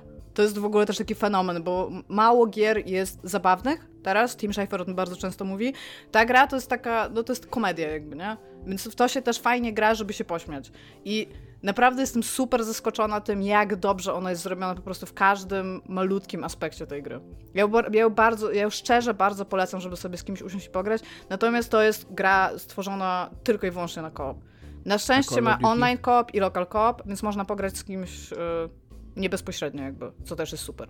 Aczkolwiek jeżeli wtedy nie ma split screena, bo jakby domniemam, że i tak i tak jest, żebyś ty widział to, co robi ta druga osoba, bo to też jest potrzebne, żeby komuś coś pokazać, na przykład strzel mi tutaj gwoździem, albo tutaj mi powieś magnes, jakby to nie wyobrażam sobie, że, że ta osoba nie jest w stanie ci pokazywać, ale no... Historycznie, historycznie patrząc na poprzednią grę, to Way Out, y, ich poprzednią grę, to Way Out miało tak dokładnie Mhm. zrobione, że jak nawet jak grałeś na, tak, to sieć, to to był screen. split screen, Tak, więc żeby ma, widzieć to, co druga ma, osoba mam nadzieję, że tutaj jest tak samo. że to jest tak samo. I, I to jest naprawdę super. To jest naprawdę super. E, Jest taki jeden moment, który ja uważam za totalny cringe, ale jakby rozumiem, że ta gra chciała iść w to miejsce, w którym dokładnie poszła i jakby to, to jest jakiś tam rzecz, którą się nie zgadzam z twórcą po prostu, ale jestem w stanie to przenieść na klatę, to jest ich gra, nie moja gra i tam spoko. E, I naprawdę, jak dla mnie to jest jakieś 11 na 10. Naprawdę. Call of Duty. Tak, jeszcze oprócz tego gram w Call of Duty nowe, bo wyszło Call, Call of. Duty Va- Vanguard, wyszło, więc wróciłam na drugą wojnę światową i mogę wam powiedzieć, bo teraz gram kampanię, potem chcę spróbować multi. Kampanię jeszcze nie przeszłam, ale wydaje mi się, że jestem dosyć daleko już. I ja wam powiem, że jakbym poszła na wojnę, to ja bym była najbardziej skonfundowaną osobą ever. Jak ja słucham, co ja... Kto to jest? On jest ze mną? Co to było? Co to jest? Gdzie są granaty? Dokąd ja mam iść? Tu już byłam? Kto to jest? Co to jest? Co się stało? Dlaczego ja to robię? Co się tam dzieje? To są... ja, ja tak gram w Call of Duty. A cała gra, jak to Call of Duty, e, pole... znaczy w centrum niej jest, e, jest szóstka bohaterów, którzy są specjalnym oddziałem wysłanym, żeby znaleźć informacje na temat nazistskiego projektu, projektu Phoenix. A, I musicie jakby odzyskać dokumenty. Być może to są dokumenty, oni do końca nie wiedzą, co oni mają odzyskać, ale idą. I oczywiście, że każdy z nich ma tam jakiś. E, to jest tak trochę, wiecie, jak kapitan Czy to się Planeta, okaże nie? człowiek żywy? Być może, jeszcze nie wiem, jeszcze, jeszcze tam nie doszłam. Natomiast, co jest ważne, to oczywiście, że jest rosyjska snajperka wzorowana na tej ukraińskiej snajperce tam, e, o Jezu, jak ona się nazywała, Lubo... e, Czy możecie znaleźć, jak się Snajperka nazywa? czy, czy snajperzyca? Snajperzyca, snajperzyca. Oczywiście, że jest ona i jest bitwa o Stalingrad, tak? A jest pilot... e, Ludmiła Pawliczenko. o, właśnie, Ludmiła Pawliczenko. E, To ona się tutaj nazywa e, Polina Pawlowa, coś takiego. No w każdym razie ona, oni, ca całość jakby polega na tym, że w trakcie akcji odzyskiwania tych jakby papierów jest, zostajecie złapani przez nazistów i siedzicie w celi i cała gra polega na flashbackach. Tak, więc e, na przykład jeżeli macie pilota, to on będzie miał flashback z Midway, bo, bo, bo tam czemu nie. Jeżeli będziecie mieć właśnie ją, jeżeli gracie nią, no to on ma flashbacki ze Stalingradu i co się tam działo z jej ojcem i bratem. No i tak jakby powolutku dochodzicie do faktu, dlaczego oni są tacy, taką specjalną kompanią i dlaczego oni są tacy ważni w ogóle tam, tu i teraz. A, aczkolwiek mówię, jakby w tym świecie przedstawionym, który się dzieje, oni są złapani przez nazistów i siedzą w celi jak na razie i po prostu sobie opowiadają historie, w które ty grasz. No i jest to jakby, to, to jest centralnie kampania Call of Duty e, Sledgehammera, jakby World War 2. Tutaj, bo przeczytałam, ta gra ma dosyć kiepskie recenzje. Teraz one się robią lepsze z jakiegoś powodu, ale na samym początku, jak ja ją kupiłam, to ona miała takie 2,5 na 5, 3 na 5 głównie. I czytałam trochę tych recenzji i ogólnie jest taki konsensus, że ta kampania nie jest niczym szczególnym. Albo, że o, o mój Boże, jest liniowa. I tam jakby tak jest, czy nie zawsze tak było w tych grach World Wiesz co, ale ja też czytałem te recenzje, bo ja trochę lubię nawet grać w Call of Znaczy- Duty. Y, no. Jakby są jednak, są jednak kampanie Call of Duty, które w jakiś sposób są, wydaje mi się, kontrowersyjne, takie, wiesz, over the top totalnie, e, biorące się za bary, jakby z, z tym, jaka jest ta gra i tak dalej.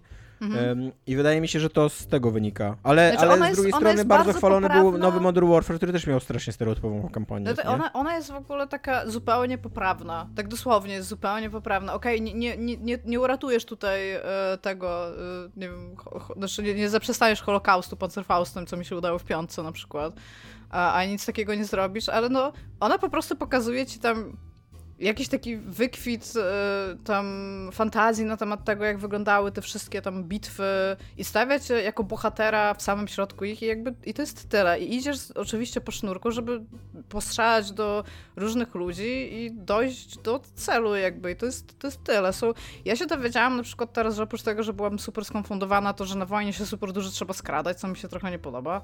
No ale skradam się. A te, te etapy snajperskie są takie nawet no, są bardzo arcade'owe, no ale ta, ta gra była zawsze taka arcade'owa.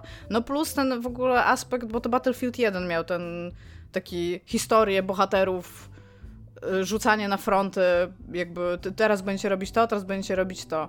E, I jakby to mi nie przeszkadza, to mi się pozwala jakby na moment znaleźć w jednym miejscu, zapomnieć o tym miejscu i pójść do kolejnego i tam spoko. Aczkolwiek przeczytałam w jednej z recenzji, tylko nie pamiętam, czy to był, był PC Gamer. Oni mówią, że ta gra ma gigantyczny problem, jeżeli chodzi o jakby budowanie napięcia do, do finału, który po prostu finał oni oceni jako taki bardzo słaby, więc trochę czekam, żeby to zobaczyć.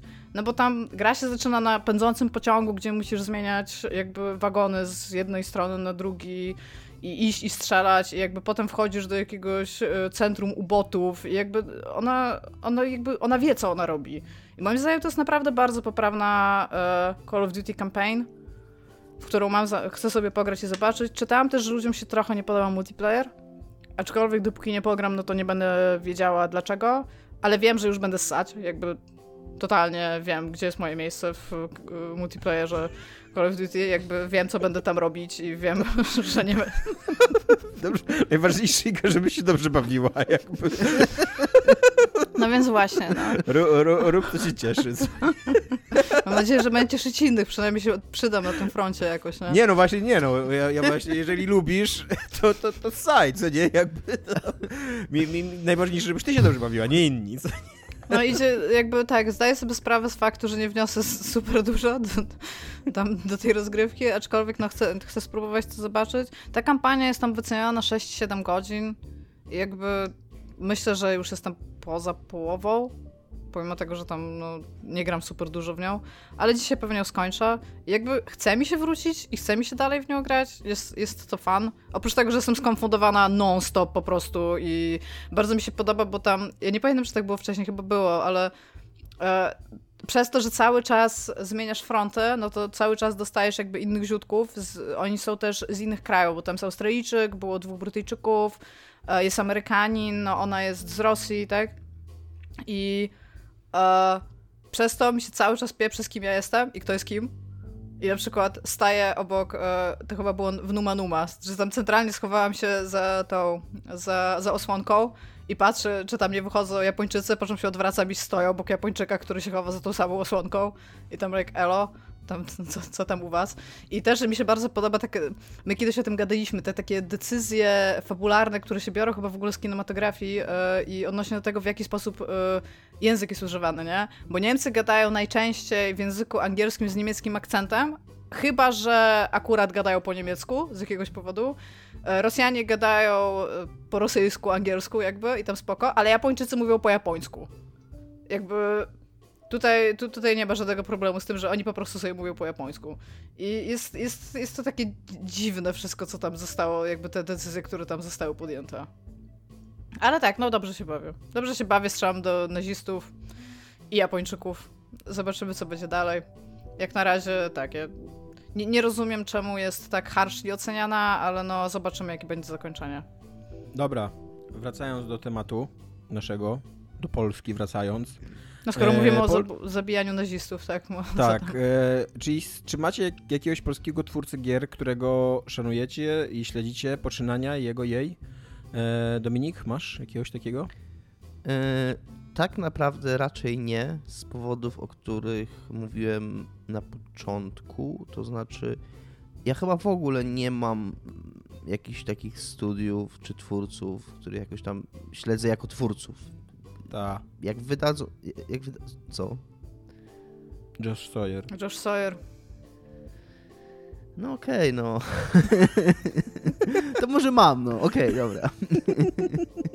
Ale nie mam z Polski raczej takich. Y, czekam na pewno na to, co się będzie z Cyberpunkiem działo, ale dlatego, że po prostu podobała mi się ta gra i jestem mimo wszystkich jej wad. Jestem ciekaw, co CD Projekt z nią zrobi, więc w tym sensie jakoś tam śledzę i się interesuję. Ja jestem ciekaw, ale, co z nią zrobi właśnie e, dzięki wszystkim jej wadom, jakby. Okej, okay, ale, ale że mimo tych wad jestem ciągle zainteresowany tą grą. Ja nie, nie mam takiego... No to ostatnio takiego, jakieś że... roadmapy tak e, opublikowali bardzo tajnie, że do 2022 której... nic nowego nie będą dawać. Tak. Że, nie, że do końca tego roku. To tak, że do końca tego roku nic Do końca i... pierwszego chyba w ogóle kwartału przyszłego roku tak nie, no, naprawdę no, że... nic nowego nie będzie. No może, no. Nie, na, tej, razie... na tym wykresie w ogóle nie ma mm, kwartałów. miesięcy, tak. kwartałów ani nic. To, to jest taki tyle, bardzo prostu- rozmyty. Do końca w ogóle tego roku chodzi- nic nie będzie, a później będą jakieś tam DLC, wersje na nowe konsole, bla bla bla. Tak, tak. Więc tutaj śledzę, ale po prostu, bo, bo mnie ciekawi, co będzie z tą grą dalej. Yy, ale tak osobiście, jeżeli chodzi o człowieka takiego z Polski, to raczej nie, poza oczywiście yy, obecnym tutaj Tomaszem Strągowskim, yy, którego śl- śledzę i kibicuję bardzo, żeby, żeby gra się udała, szczególnie, że gra nowa Tomasza, czyli Heading Out, wygląda, i co mnie bardzo cieszy, na grę Tomasza, w którą zagram, w odróżnieniu od, od Radio Commandera, który, który, o którym słyszałem dużo dobrego, ale w którego nie zagram nigdy, bo totalnie nie brzmi jak gra, która mnie chociaż troszeczkę zainteresuje w jakiś sposób, czy, czy porwie. Yy, Więc, więc w tym sensie też śledzę yy, dzieje studia Sirius Sim, bo, bo po prostu chcę zagrać tę grę, bo wygląda super i, i zapowiada się super i, i- i naprawdę mam nadzieję, że coś z tego będzie. Yy, A, a poza tym to chyba nie. Ja też zacznę od wazeliny, że śledzę gry Igi Ewy Smoleńskiej i śledzę, śledzę projekty, w których pracuję e, i śledzę gry Mateusza Skutnika. Ze względów osobistych ja w ogóle jestem dosyć ciekawskim człowiekiem, takim, który lubi e, podglądać, obserwować. ja zupełnie zapomniałem, że mam grę Skutnika, ale będę grał dzisiaj. Tak, e, i, i nawet jeżeli to na przykład e, totalnie gra Mateusza Skutnika, Slice of Sea, jakby bardzo wam polecamy, jeżeli chcecie wesprzeć naszego przyjaciela i przyjaciela podcastu. E, I to jest najprawdopodobniej bardzo dobra przygodówka po ten klik, bo Mateusz ma doświadczenie i na pewno jest bardzo piękna i, i graficznie, i, i dźwiękowo, bo to za, to za to ręczę, bo tam z półtorej godziny w nią pograłem, nawet dwie godziny. E, Ale niestety doszedłem do takiej zagadki, że się zaciąłem i tutaj zawsze się kończy moje zainteresowanie klikami, że, że nara, co nie? To, e, ale tak, ale jakbyście chcieli, to Slice of Sea ona się nazywa, jest do kupienia i już miała swoją premierę. Ale też Iga zawsze jak mi powie, że się interesuje jakimś mm, projektem, albo pracuje przy jakimś projekcie, albo pomaga przy jakimś projekcie, to tam go śledzę dyskretnie, albo mniej dyskretnie. E, bo Jak tak się śledzi mało dyskretnie. E, mało dyskretnie to tak, że nie mówię o tym na przykład na antenie. Okej. Znaczy, znaczy, że właśnie, że mówi na antenie przed e, tysiącami słuchaczy, dziesiątkami tysięcy słuchaczy, milionami tutaj internautów, którzy nas słuchają. E, ale z takich osób, których, które, których śledzę nie tylko ze względów takich quasi towarzyskich, to mam tak, Marta Fijak to jest taka designerka, projektantka, która głównie, znaczy najbardziej jest znana ze swojej roboty przy Frostpunku. E, I ona ma dosyć ciekawe toki czasem, e, czasem mniej ciekawe też również, ale jest to osoba tam, którą dosyć podziwiam i szanuję e, z polskich. Adriana Chmielarza śledzę w trochę takim, z jednej strony ja go szanuję, bo to wydaje mi się, że to jest twórca niezłych gier. Jakby doceniam to, co on robi. Jakby to nie jest tak, że, że hejtuję gry Adriana Chmielarza, ale z drugiej strony taki, z takim masochistycznym zacięciem śledzę jego, e, e, jego social media, bo Adrian Chmielarz jest bywa przedziwnym człowiekiem, piszącym przedziwne rzeczy i prowadzącym przedziwne spory. E, jego poglądy na chyba wszystko są totalnie po drugiej stronie moich poglądów i czasem pisze takie rzeczy, że au- autentycznie muszę się, e, muszę wołać Iwonę, żeby mnie trzymała, żebym mu nie odpisał jakiegoś tam komentarza, co się w ogóle dobrze, dobrze szkodzi, e, do, do, do, dobrze jakby, że ja mu nie, nigdy nie odpisuję, że tylko właśnie go tak lurkam z ukrycia, bo Adrian jest bardzo elokwentnym człowiekiem i bardzo awanturniczym i na pewno by tam odpisał mi tam z 10 tysięcy znaków na to, więc ja bym, e, więc zaangażowałbym się w bardzo, długi, bardzo długą awanturę, z której nic by nie wyszło. Czyli w sumie powinniśmy być też bardzo wdzięczni Iwonie, że tam nie Tak, bijecie tak. się z Adrianem Chmielarzem w internecie. Tak. Dobrze. E, I to są, to są osoby dla mnie, które ja e, jakoś mnie interesują, tak właśnie z nazwiska i, i z osoby. Iga, a ty? Ja miałam trochę problem z tym pytaniem, bo yy, jest nam bardzo dużo ludzi, którzy robią gry w Polsce, natomiast większość tych ludzi pracuje w firmach i jakby kiedy pracujesz w firmie, szczególnie takiej powyżej tam, nie wiem, 15 ludzi, no to już trudno mówić o tobie jako, jakoś tak odautorsko, a, bo wykonujesz jakby zlecenia jakieś, jakiegoś wizjonera, który- od człowieka, który trzyma wizję, że tak powiem, i na jego zlecenie przedstawiasz mu rzeczy. A no, no i poza tam, nie wiem, Mateuszem Skutnikiem, na przykład Tomaszem Strągowskim albo mną, ja sobie bardzo mocno kibicuję. Uważam, że może kiedyś coś Mateusz. Skutnik robił tą grę sam przez 4 lata. Tak, ja wiem w ogóle. no, Ja, Znaczy, ja kochałam gry Mateusza Skutnika, jak jeszcze był Tak. we Flashu i zaprosiłam go na wywiad, na którym to w wywiadzie z jakiegoś powodu przez cały czas był e, profesor Szyłak. Więc jakby... Jako przyzwoitka tam w kącie, nie? Żeby się nie rzuciła Nie był, na totalnie Mateusza. nie był w kącie, był na samym środku i siedział tak jak policjant na krześle, także odwrotnie sobie ustawił krzesło. Znaczy ja tu powiem tylko e, gwoli wyjaśnienia, że nie, nie stworzył tej gry ca całkiem sam sam, no bo tam miał, miał jakiegoś programistę, który mu pomagał, na pewno miał muzyków, którzy mu pomagali, zrobili w ogóle całą ścieżkę dźwiękową, rewelacyjną, nie wiem czy wspominałem. E, ale, ale jakby od pod, względem art, artystycznym i designu zagadek i opowieści i tak dalej, to wszystko 4 lata siedział po prostu i robił grę poje, w w Tak, pojedynkę. pokazało nam Nie całkiem w kadr pojedynkę, ale w pojedynkę. To jest ręcznie rysowane wszystko, to jest... Tak, to jest wszystko ręcznie rysowane w ogóle, to jest niesamowite, co nie? Tak. Tak, A- to jest w dodatku ręcznie rysowane na kilku planach. Też pamiętam, Tak. to już Tak. opowiadał, że narysował, zrobił pierwsze przejście, narysował wszystkie plansze, potem drugie przejście, drugie kółko, mówił, będzie teraz tam to, co w tle rysował, potem trzecie kółko, tam to, co na kolejnym planie. Naprawdę. Masakra, nie? W ogóle jak roboty to było, pomyślisz, tak. Jesus Christ. To Eee, już co to odpierdalasz i- po prostu, weź się ogarnij człowieku. zadzwonię mu profesora Szyłaka. Jest taki program RPG Maker i tam byś zrobił grę w 3 miesiące.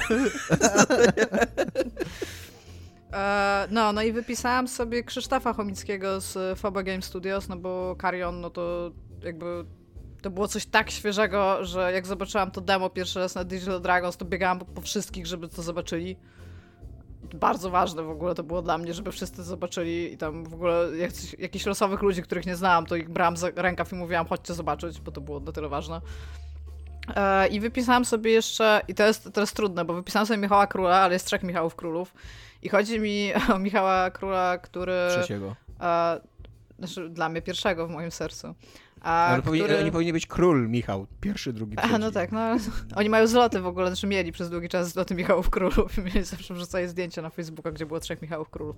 A chodzi mi o Michała Króla, który jeszcze do niedawna pracował w 11 bitach i jak się prześledzi w ogóle y, jakby karierę tego człowieka, to on wygrywa chyba każdy game jam, w którym bierze udział i zawsze to wygrywa tak odjechanym pomysłem i w ogóle tak dziwnym designem i po Nie, prostu Designerem, tak? on jest designerem, tak. I jak się spojrzy w te jego designy, to jest po prostu... Oni zrobili kiedyś grę, która była dating simem, ale cały clue tej gry polegał na tym, że ta twoja laska, którą miałeś tam dejtować, została postrzelona przez snajpera, więc miałeś chyba dwie minuty, żeby ją poderwać, bo inaczej się wykrwawiała. I on robi takie rzeczy po prostu, to jest jakaś masakra. A jeżeli, a jeżeli się tutaj zakocha, to się nie wykrwawia? Nie, chyba się wykrwawiała, ale wygrywałeś. Nie pamiętam tego. Blokowałeś ranę penisem? Jest, ale jest po prostu, jest, jest, on super rzeczy robi i po prostu każdy, każdy z nich jest tak pojechany i to wszystko działa po prostu i just works, nie? Więc y, bardzo mu kibicuję. Ja go znam też prywatnie, więc to jest taka, to jest taka ostra wazyjna. Michał nas nie słucha, ale może poproszę go, żeby przesłuchał i powiedział, że bardzo mu kibicuję. Teraz y, będzie pracował w studiu w Berlinie. I teraz właśnie to też jest taka, taki asumpt do, do dyskusji, którym tutaj poddała, bo co Tomaszu z grami, które tworzą Polacy w innych państwach jakby, nie? Bo też pełno jest takich Polaków, którzy tworzą. I czy to są wciąż Znaczy to zależy jak gry? tworzą, co nie? Jakby, y, nie, No ja tak, bym tak, na nie jakimś powiedział. stanowisku na przykład, nie? Ale jeżeli byś miał na przykład polskiego, no tego osobę, która trzyma wizję, czy to jest tam jakiś Dyrektora, creative director tak, albo coś no. takiego, to to jest polska gra, jeżeli robią, wiesz, w Skandynawii, to trudno to jest zawsze powiedzieć, nie? Ale to są w każdym razie moja odpowiedź y, była właśnie taka, ludziom kibicuję. Ja ogólnie wszystkim kibicuję i bardzo bym chciała żyć w świecie, gdzie polski kapitał cały czas jest w tym momencie, jakby po Wiedźminie 3, gdzie wszyscy chcą dawać pieniądze na polskie Tak. gry, że tutaj wchodzą w ogóle zagraniczni inwestorzy i żeby ci ludzie mogli robić takie gry, jakie by chcieli, a nie takie gry, jakie się sprzedadzą ze względu na jakieś słupki w dużych firmach. I to by było super. Ja wszystkim kibicuję, żebyśmy byli w stanie to zrobić. E, dobra, wracając do tematu e, polskich gier. Chociaż chyba w sumie nie, nie wracamy do tematu, tylko po prostu kontynuujemy ten temat, e, bo tutaj musimy teraz zdradzić w związku z moim, z moim e, kijowym prowadzeniem, że była przerwa. tutaj możecie, drodzy słuchacze, teraz zobaczyć, czy zauważacie nasze przerwy, czy nie zauważacie. Jak dobrze Dominik składa. Ja mam piciu.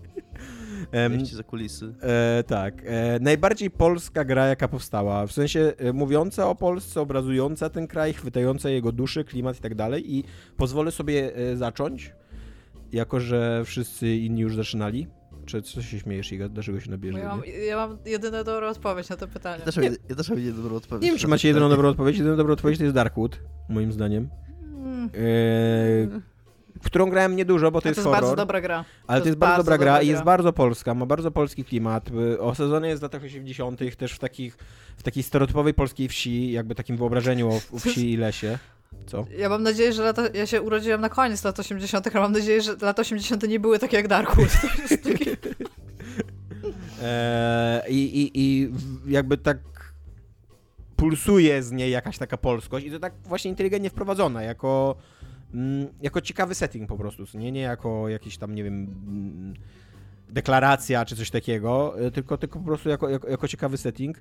E, Ale mam też takie odpowiedzi mm, cząstkowe, takie rzeczy, o których bardzo, bardzo pamiętam zawsze, jak sobie myślę o polskiej grze. I przede wszystkim jest to wiatr, yy, yy, wiatr w lesie w Wiedźminie. Jest to chyba najbardziej yy, taki autentycznie, to mi się zawsze przypomina, jak sobie myślę Polska w grze, to yy, tam jest tak, jak, jak chodzicie, zwłaszcza po tym głównym Walen, yy, i tam raz na jakiś czas się zrywa taki porywisty wiatr i Ym, Wiedźmin tu zawsze komentuje, ale wieje, czy coś takiego, co nie? E, i, tam, i, I autentycznie to, jak się pochylają Pizga. drzewa, jak te laski tam wyglądają, te, te wie, trawy i tak Kobiety? dalej, to jest strasznie polskie. To jest autentycznie coś takiego, że tak trafia mi do serca, co nie? że tak sobie patrzę, hmm, znam ten widok, co nie? Jak, to, to, totalnie jest to widok, który widzę, jak się tam chodzi na spacer albo coś takiego. Nie wiem, jak mi się to udało, ale udało mi się uchwycić. Drugie, co mam, to jest e, poczucie humoru i rasizm w Bitkopie, e, który też jest bardzo polski, moim zdaniem. Jakby trzeba mieć bardzo polską wrażliwość, albo brak właśnie tej wrażliwości, typowy dla wielu, dla wielu przedstawicieli naszego narodu, żeby napisać taką grę, żeby być tak dosyć bezrefleksyjnym w tym temacie. E, I to mi się wydaje takie bardzo mm, charakterystyczne dla, dla Polski, jakiejś duszy polskiej i tak dalej. I trzecia rzecz to są symulatory Playwaya. E, ale tutaj, tutaj to jest tak skomplikowane, bo z jednej strony jest w tych symulatorach Playway, w ogóle w całym takim e, mm, systemie biznesowym, na którym one się opierają, i systemie reklamowym, i systemie marketingowym, liczeniu wishlisty, jakiś tam cross-promo i nie wydawaniu ani, ani, ani złotówki na taki autentyczny marketing, jakieś reklamy, jakiś pomysł, jakieś sociale i tak dalej. Jest tym takie polskie biznesowe cwaniactwo, taki, takie januszostwo polskie, które bardzo mi się właśnie wynika z naszej polskiej, e, polskiej duszy, ale jest i dużo takiego zdrowego rozsądku, że można robić takie gry, które nie są super ambitne, w które się nie wkłada mega dużo kasy, e, a one raz na jakiś czas przyniosą taki, ta, ta, taki zysk, że to się opłaci, jakby, że to taki, takie właśnie celowanie w średnią ligę, e, że to, że to po prostu ma sens, tak zdroworozsądkowo, biznesowy. E, Jest też w tych, w tych grach bardzo często bardzo dużo uczciwej pracy, takiego polskiego game devu, e, który rzadko bywa doceniany, e, a naprawdę zbudowanie tych tam symulatorów skręcania motorów czy, czy, czy samochodów i tak dalej, to są bardzo często takie drobiazgowe, benedyktyńskie rzeczy, że tam każdą śrubkę trzeba dopracować i tak dalej, i tak dalej. I, i trzeba to. Do, I mnóstwo ludzi, którzy pracują dzisiaj w polskim game devie z Tomaszem Strąkowskim na czele, uczyło się robienia gry na, na, na właśnie na takich dzik, dzikich projektach play, Playwayu. E, I wydaje mi się, że, że warto to docenić czasem, nie tylko, nie tylko wyśmiewać. E, I tak, i to jest, to jest moja odpowiedź na temat e, polskości w grach. Dominik, podaj teraz prawidłową odpowiedź. Franco the Crazy Revenge. Oczywiście, że tak. Franco the Crazy Revenge. Mówiłam, że mamy dobrą odpowiedź. Piątka Dominik. Piątka. To jest to gra, która najbardziej uchwytuje polską duszę, Polski i Moja głowa, życie, w polski, życie w polskim mieście. Ja chciałem tutaj przeczytać tekst z Intra do Franco, które właśnie zaczy, zaczyna się tym. Który ja umiera? Rzuciłem na sensowną odpowiedź. No, ale to, to Pięć jest lat realnie pu- dobra odpowiedź. No. Pięć lat później jeden z dwóch, który przeżył, szykował się do misji. Misji, która musi zakończyć się wygraną, która ma na celu unicestwić bandę, która odebrała mu przyjaciela i która teraz miała zapłacić swoją śmiercią. Gdyż obiecał mu to, obiecał, że to zrobi, choćby miał zginąć. I nazywał się Franco. To było jedno zdanie. Franco, mściciel. To jest drugie zdanie. Ale za, zapłacić śmiercią, a nie zapłacić życiem? Jakby zapłacić śmiercią to jest zdanie. Całe to, całe to zdanie w ty ogóle, chyba, ona ma tam, ty chyba nic nie wiesz o Polsce. ona ma tam z pięć które w ogóle to Tak, zdanie. bo to to jest taki system addytywny jak w Biblii. ale, nie, ale masz y, Szczecin w tle. Śmiejąc się tutaj. Ma, śmiejąc masz realne blokowiska, masz, masz graffiti. Jak, jak, tak, ja tą grę oczywiście poznałem wtedy, kiedy ona wyszła. Byłem wtedy dużo za młody, żeby grać w tą grę, ale podobnie jak twórcy, którzy byli dużo za młodzi, żeby zrobić tą grę, jak się na nią spojrzy. Y, ale autentycznie to było coś takiego, że jak się tam grało na tej czy, czy wcześniej Commodore, te, te, wszystkie gry z zachodu, to, to Franco było taką grą, pierwszą taką grą, która nie tylko była zrobiona przez Polaka, ale, ale faktycznie pokazywała Polskę i tam jasne, że ta Polska to było tam od rysiarza, którzy mówili dużo kurwa i tam spadaj pierdoło, spadaj, spadaj pierdoło. pierdoło. moja głowa. Pamiętasz, że moja głowa, się nazywał moja Klocek, głowa. Którego, którego musiałeś tak. zrobić. ale to było coś takiego, że człowiek miał te 12 lat i jasne, nie żył na blokowisku i tam nie napierdzielał się z, znaczy ja przynajmniej, z, ja z dresami i tak dalej.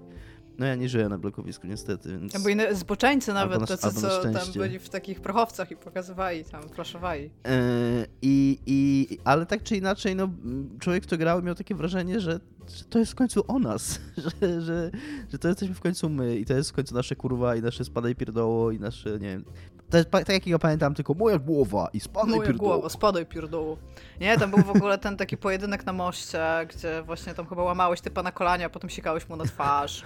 Były te tam graffiti tyłu. Pomiędzy, tam w przerwach pomiędzy levelami była taka sekwencja mm, samochodowa, w której się maluchem jeździło i rozjeżdżało, mm -hmm. rozjeżdżało typu, więc tam jeszcze maluch był w tej grze. Jakby tam wcisnęli Ona była taka ostro polska, tak. tak. tak. jak najbardziej. To była y, gra o blokowisku z blokowiska i dlatego ja w ogóle bym by miał naprawdę na takie czoło w ogóle polskości wystawiła i to nawet nie ironicznie, bo to, było, to miało być takie śmieszne, jak na samym początku to powiedziałam, po czym im dłużej to myślałam, to z Beskitu nic mi się bardziej znaczy, z polskością nie kojarzy niż Franco mam dokładnie, mam dokładnie tak jak Iga, to znaczy to jest oczywiście odpowiedź żart na pierwszy rzut oka, ale też uważam, że to jest nawet na serio dobra odpowiedź i właściwa odpowiedź. Niestety trochę skazą na tym, na dobroci tej odpowiedzi, słuszności tej odpowiedzi, ale może nawet nie, może właśnie to jest tak, co mówił Tomek, bo co, Franco 2? był Kickstarter, bo był Kickstarter na Franco 2, który okazał się przykrętem, więc może właściwie to, może właściwie to jeszcze bardziej sprawia, że jest to bardzo polska gra, która dużo mówi o Polsce. Moja głowa. Iga, chcesz coś dodać do tego, co Dominik powiedział Franco? Znaczy, do, mówię tam, wszystkie napisy na ścianach, wszystkie tła, które tam są, to są dokładnie takie bloki z wielkiej płyty, które się zna po prostu, z, czy to jest Szczecin, czy to jest, kurde, Gdańsk, Elbląg, Olsztyn, Wrocław, Warszawa czy Katowice, to każdy wie, co tam jest, nie? Każdy to po prostu widzi. Jeszcze było, jako takie honorable mention, bym powiedziała, Wacki Kosmiczna Rozgrywka, ale to tak po prostu dlatego, żeby powiedzieć, że ta gra kiedyś wyszła i była bardzo, to była bardzo dziwna gra w ogóle. Ale wszyscy w nią grali, bo miała pełną wersję w CD Action, więc jakoś to tam było znane. Ale nie, nie, nie. Ja jakby myśląc o tym, to, to Franco jest najprawdopodobniej dlatego właśnie, co powiedział Dominik, że to robiła grupa jakichś tam młodych zapaleńców i chcieli po prostu pójść all the way up to 11, co zrobili i no w ogóle tam czapki z głów, no zrobiliście Polskę w grze, no tam mega. Okej. Okay. E, I następne pytanie, e, czy brakuje wam Polski w polskich grach? E, I, a jeżeli tak, to jakich tematów, jakie, jakich kątów patrzenia na Polskę? Ja mam I, zupełnie i no, odwrotnie no, tak. niż ty, Tomaszu, bo ty powiedziałeś wcześniej i też w rozmowie z Bogdanem odnośnie do Paradise Lost, ja mam w ogóle coś takiego, że nie, totalnie mi nie brakuje, chyba że jest na to jakiś pomysł i ja w ogóle jestem bardziej głodna na takie historie kulturowe, a nie historyczne. Na zasadzie ja sobie zdaję sprawę z tego, że mamy dużo elementów historii, o której można zrobić grę, aczkolwiek wolałabym na przykład pograć sobie fajnego RPGa w Polsce w tych czasach, jeżeli byłoby to realnie jakoś fajnie odzwierciedlone w tej grze. Na, na takiej zasadzie, że jeżeli chcemy pakować Polskę po prostu do tego, to ja już wiem, że to będzie druga wojna światowa, pierwsza wojna światowa, że to będzie historia związana z naszym takim męcz, męcze, jakby rodem męczenników, tak? I to, co się działo w ogóle w Polsce w związku z tym, albo o szlachcie, bo to też jest taki jakiś akcent po prostu historyczny, a jakby ja już tego więcej nie potrzebuję, Szczególnie, że większość z tych produkcji wychodzi tak sobie, więc jakby nie, nie widzę powodu, żeby w to jakby dalej iść. A jeżeli ktoś by chciał pokazywać na przykład, może powiem tak, jest Observer, który jest ok, to nie jest moja ulubiona gra, każdy wie, że uważam, że jest dużo gorsza od Layers of Fear, ale jest ta kamienica w Krakowie i to jest fajne. tak samo jak fajne jest, nie wiem, mieszkanie e, w Medium, od którym zaczynasz w Krakowie. I też super, że coś takiego jest i tam bardzo fajnie, ale jakby czy, czy, czy, czy to powinno jakby nieść ze sobą jakiś mocny ładunek historyczny? Oczywiście może, ale to wtedy zróbmy to dobrze, a nie dlatego, że dostaliśmy pieniądze i dofinansowanie z jakiegoś, nie wiem, instytucji, która zajmuje się jakby historycznymi sprawami Polski albo od Unii Europejskiej, żeby tam własną kulturę tam rozsiewać. Spoko. Dużo ciekawsze wydaje mi się, jeżeli ktoś by miał pomysł na to, żeby to zrobić nie w realiach historycznych, które istniały, tylko w jakichś nowych, a z kontekstem polskim w tle. Ale nie mam zielonego pojęcia, czy, czy jest w ogóle zapotrzebowanie na coś takiego. Więc to jest moja odpowiedź. Jakby nie, nie brakuje mi, ale jeżeli to robimy, to róbmy to z głową i, z, i fajnie by było, jeżeli byśmy myśleli jakby całościowo, a nie ograniczali się do jakichś trzech momentów w historii tak naprawdę, które jeżeli pokazujemy, to pokazujemy je. O, to jest moje, moje zdanie. O, dziękuję. Dominik? Yy, moja odpowiedź na początku była taka, że nie i że mi nie brakuje, tak samo jak Iga, ale teraz Iga swoim wywodem trochę mnie prze, jakby przekonała, że być może mi trochę brakuje, paradoksalnie, mówiąc coś zupełnie przeciwnego, ponieważ powiedziała Iga coś bardzo mądrego, o czym ja nie pomyślałem, bo moje uzasadnienie tego, że mi nie brakuje, było dokładnie takie same jak Igi, to znaczy, że że my się lubimy w tym swoim tapać, w tym swoim męczeństwie, przerabiać te swoje traumy po raz pierdoliadowy. To jest kurna smutne, zawsze pada, jest ciemno i wszyscy przeklinają i ja mam tego dosyć. Yy, nie potrzebuję tego w swoim życiu, nie chcę w swoim życiu, nie chcę rozliczania po raz kolejny II wojny światowej, Solidarności, i komunizmu yy, i, i rozbiorów i kurna tego wszystkiego, wszystkiego, wszystkiego podziurki w nosie tyle świat, lat, ile żyję na tym świecie. E, ale Iga powiedziała coś bardzo interesującego i być może w tego, i być może w tym sensie mi brakuje. Mm, gry, która mówiłaby o Polsce tu i teraz, bo ja bym bardzo chętnie się dowiedział, mm, jaka, czym jest Polska według twórców gier i obecna, jakby żyjąca, żywa, yy, dziejąca się za naszymi oknami Polska. Być może tego mi brakuje, bo nawet nie wiem, nawet nie wiem, że mi tego brakuje i dowiedziałem się, jak, jak, jak Iga to, to, to zasugerowała.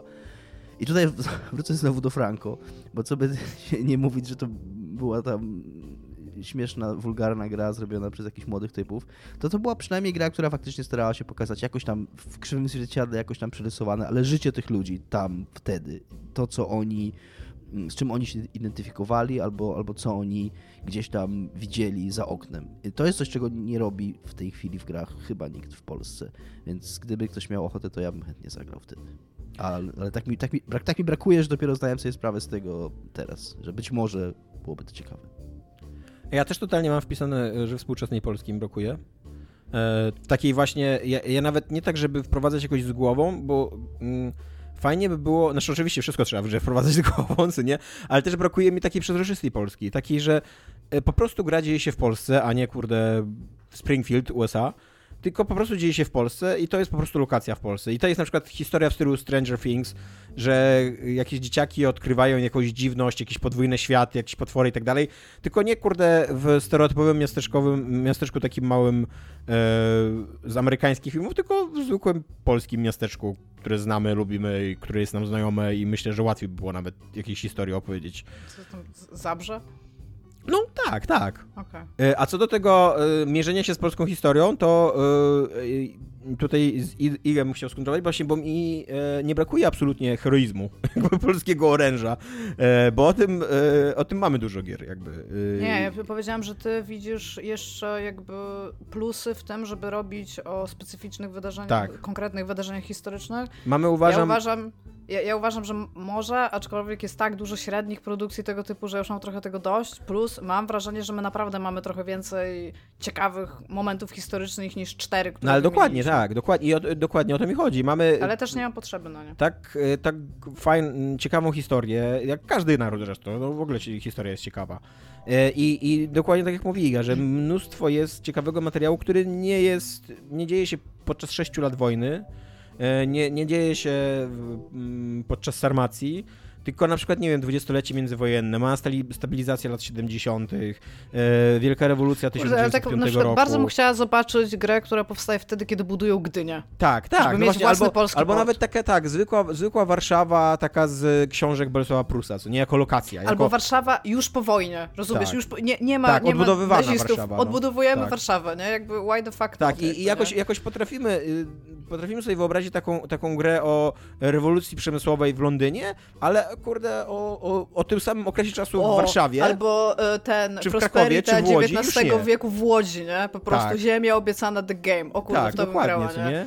Bym E, ceny bawełny tam napieprzało. I wiecie, nawet, nawet jakbyśmy spojrzeli na chrzest Polski, co nie, który de facto nie, nie był żadnym chrztem Polski, bo to nie jest tak, że Polacy byli masowo chrzczeni, tylko e, jakby, jakby zrobić grę o Mieszku i jego drużynie i o tym, dlaczego jakby, jak wyglądały ich podboje, jak wyglądały jakieś takie właśnie te, takie w stylu Crusader Knights, jakieś spiski budowania takiej, em, takiego ich własnego terytorium, dlaczego oni przyjęli ten chrzest i tak dalej, bez właśnie takiego zadęcia historycznego, tylko jako taką normalną historię z Polską, zamiast Anglii, USA, czy jakiejś Irlandii i tak dalej, no to tak, to tego mi brakuje. I, i dziw, znaczy dziwię się i nie dziwię, że Polacy to robią, no bo nie dziwię się, Jak bo tak jak Iga mówiła, wszyscy robimy dzisiaj gry dla... Co? Ja chcę kupować bawełnę w XIX wieku w Tak, Łodzi tak. teraz. Tak. Albo, albo zrobić takie właśnie Crusader Kings w trakcie rozbicia dzielnicowego Polski, nie? Ale tak jak Iga mówiła, ja, ja dziwię się, że tego nie robię, bo dziwię się, że Polacy nie potrzebują więcej siebie nawet i swojego otoczenia, że nawet nie Polski, ale, ale po prostu tego, co oni widzą i z czym... Ale ja się tak nawet zastanawiam, na przykład powstanie wielkopolskie. Tak, tak. Rozumiesz, jedno, które Tylko, wyszło, że- takie... Ale z drugiej strony bardzo- zgadzam się z Igą, że wszystkie gry muszą powstawać do tego 17-letniego Johna No z co nie?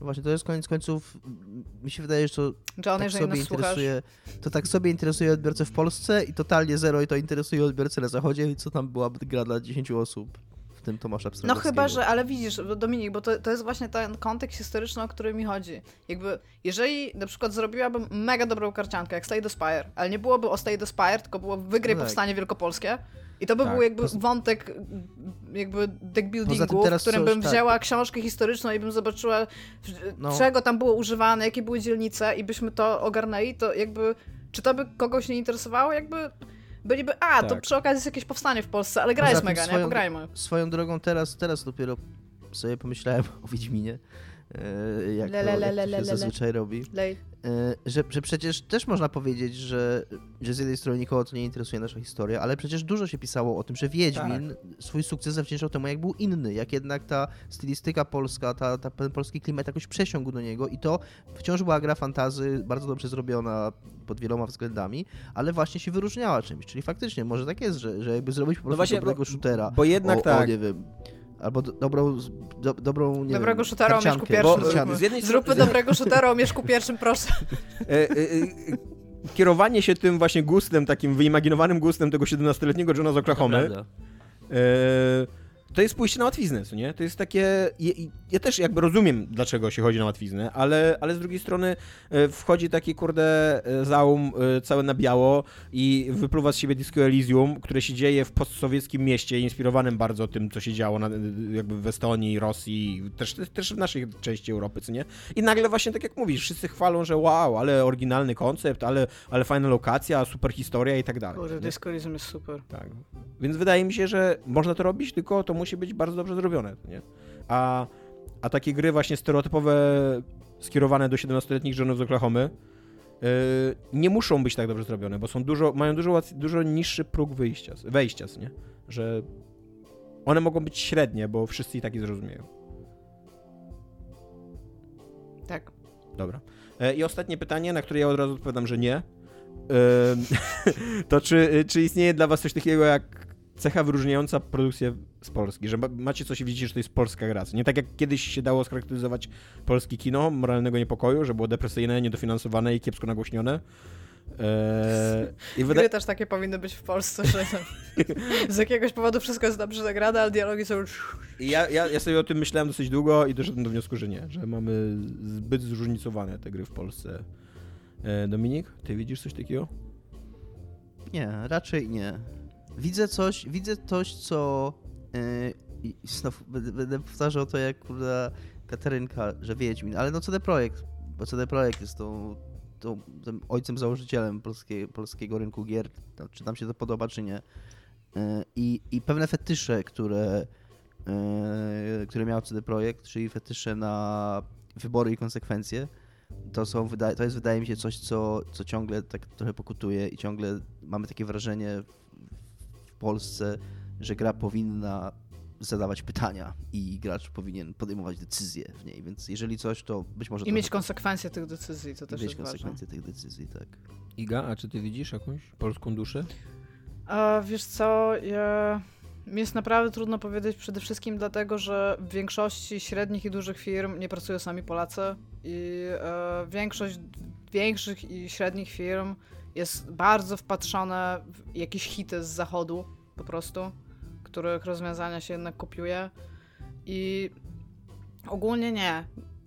By, by musiało powstać jakieś takie, nie wiem, kilka nowych studiów mniejszych, które po prostu chcą robić to, co chcą robić, bo wierzą we własny projekt i we własną fantazję i we własny skill i nie mają potrzeby jakby no właśnie Johnów z Oklahomy zadowalać, tylko robić jakieś, no i wtedy to by może wyszło, a my przez to, że jesteśmy w tym no galopującym rynku zachodnich gier, to my robimy takie same gry jak oni, wiesz, no to jest tak jakbyśmy się zastanawiali, czy Czesi mają jakby, wiesz, swoje jakieś tam, Amanita Design jest fenomenalna, ale Okazuje tam... się, że Czesi mają bardzo odróżniający się, mm, wiesz, rynek powieści cyberpunkowych.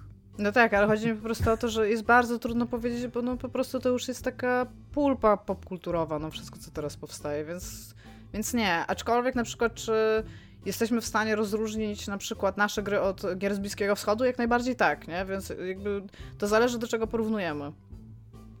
Dobra, Dominik, e, co jest grane u ciebie? Realizuj się, gadaj ile chcesz.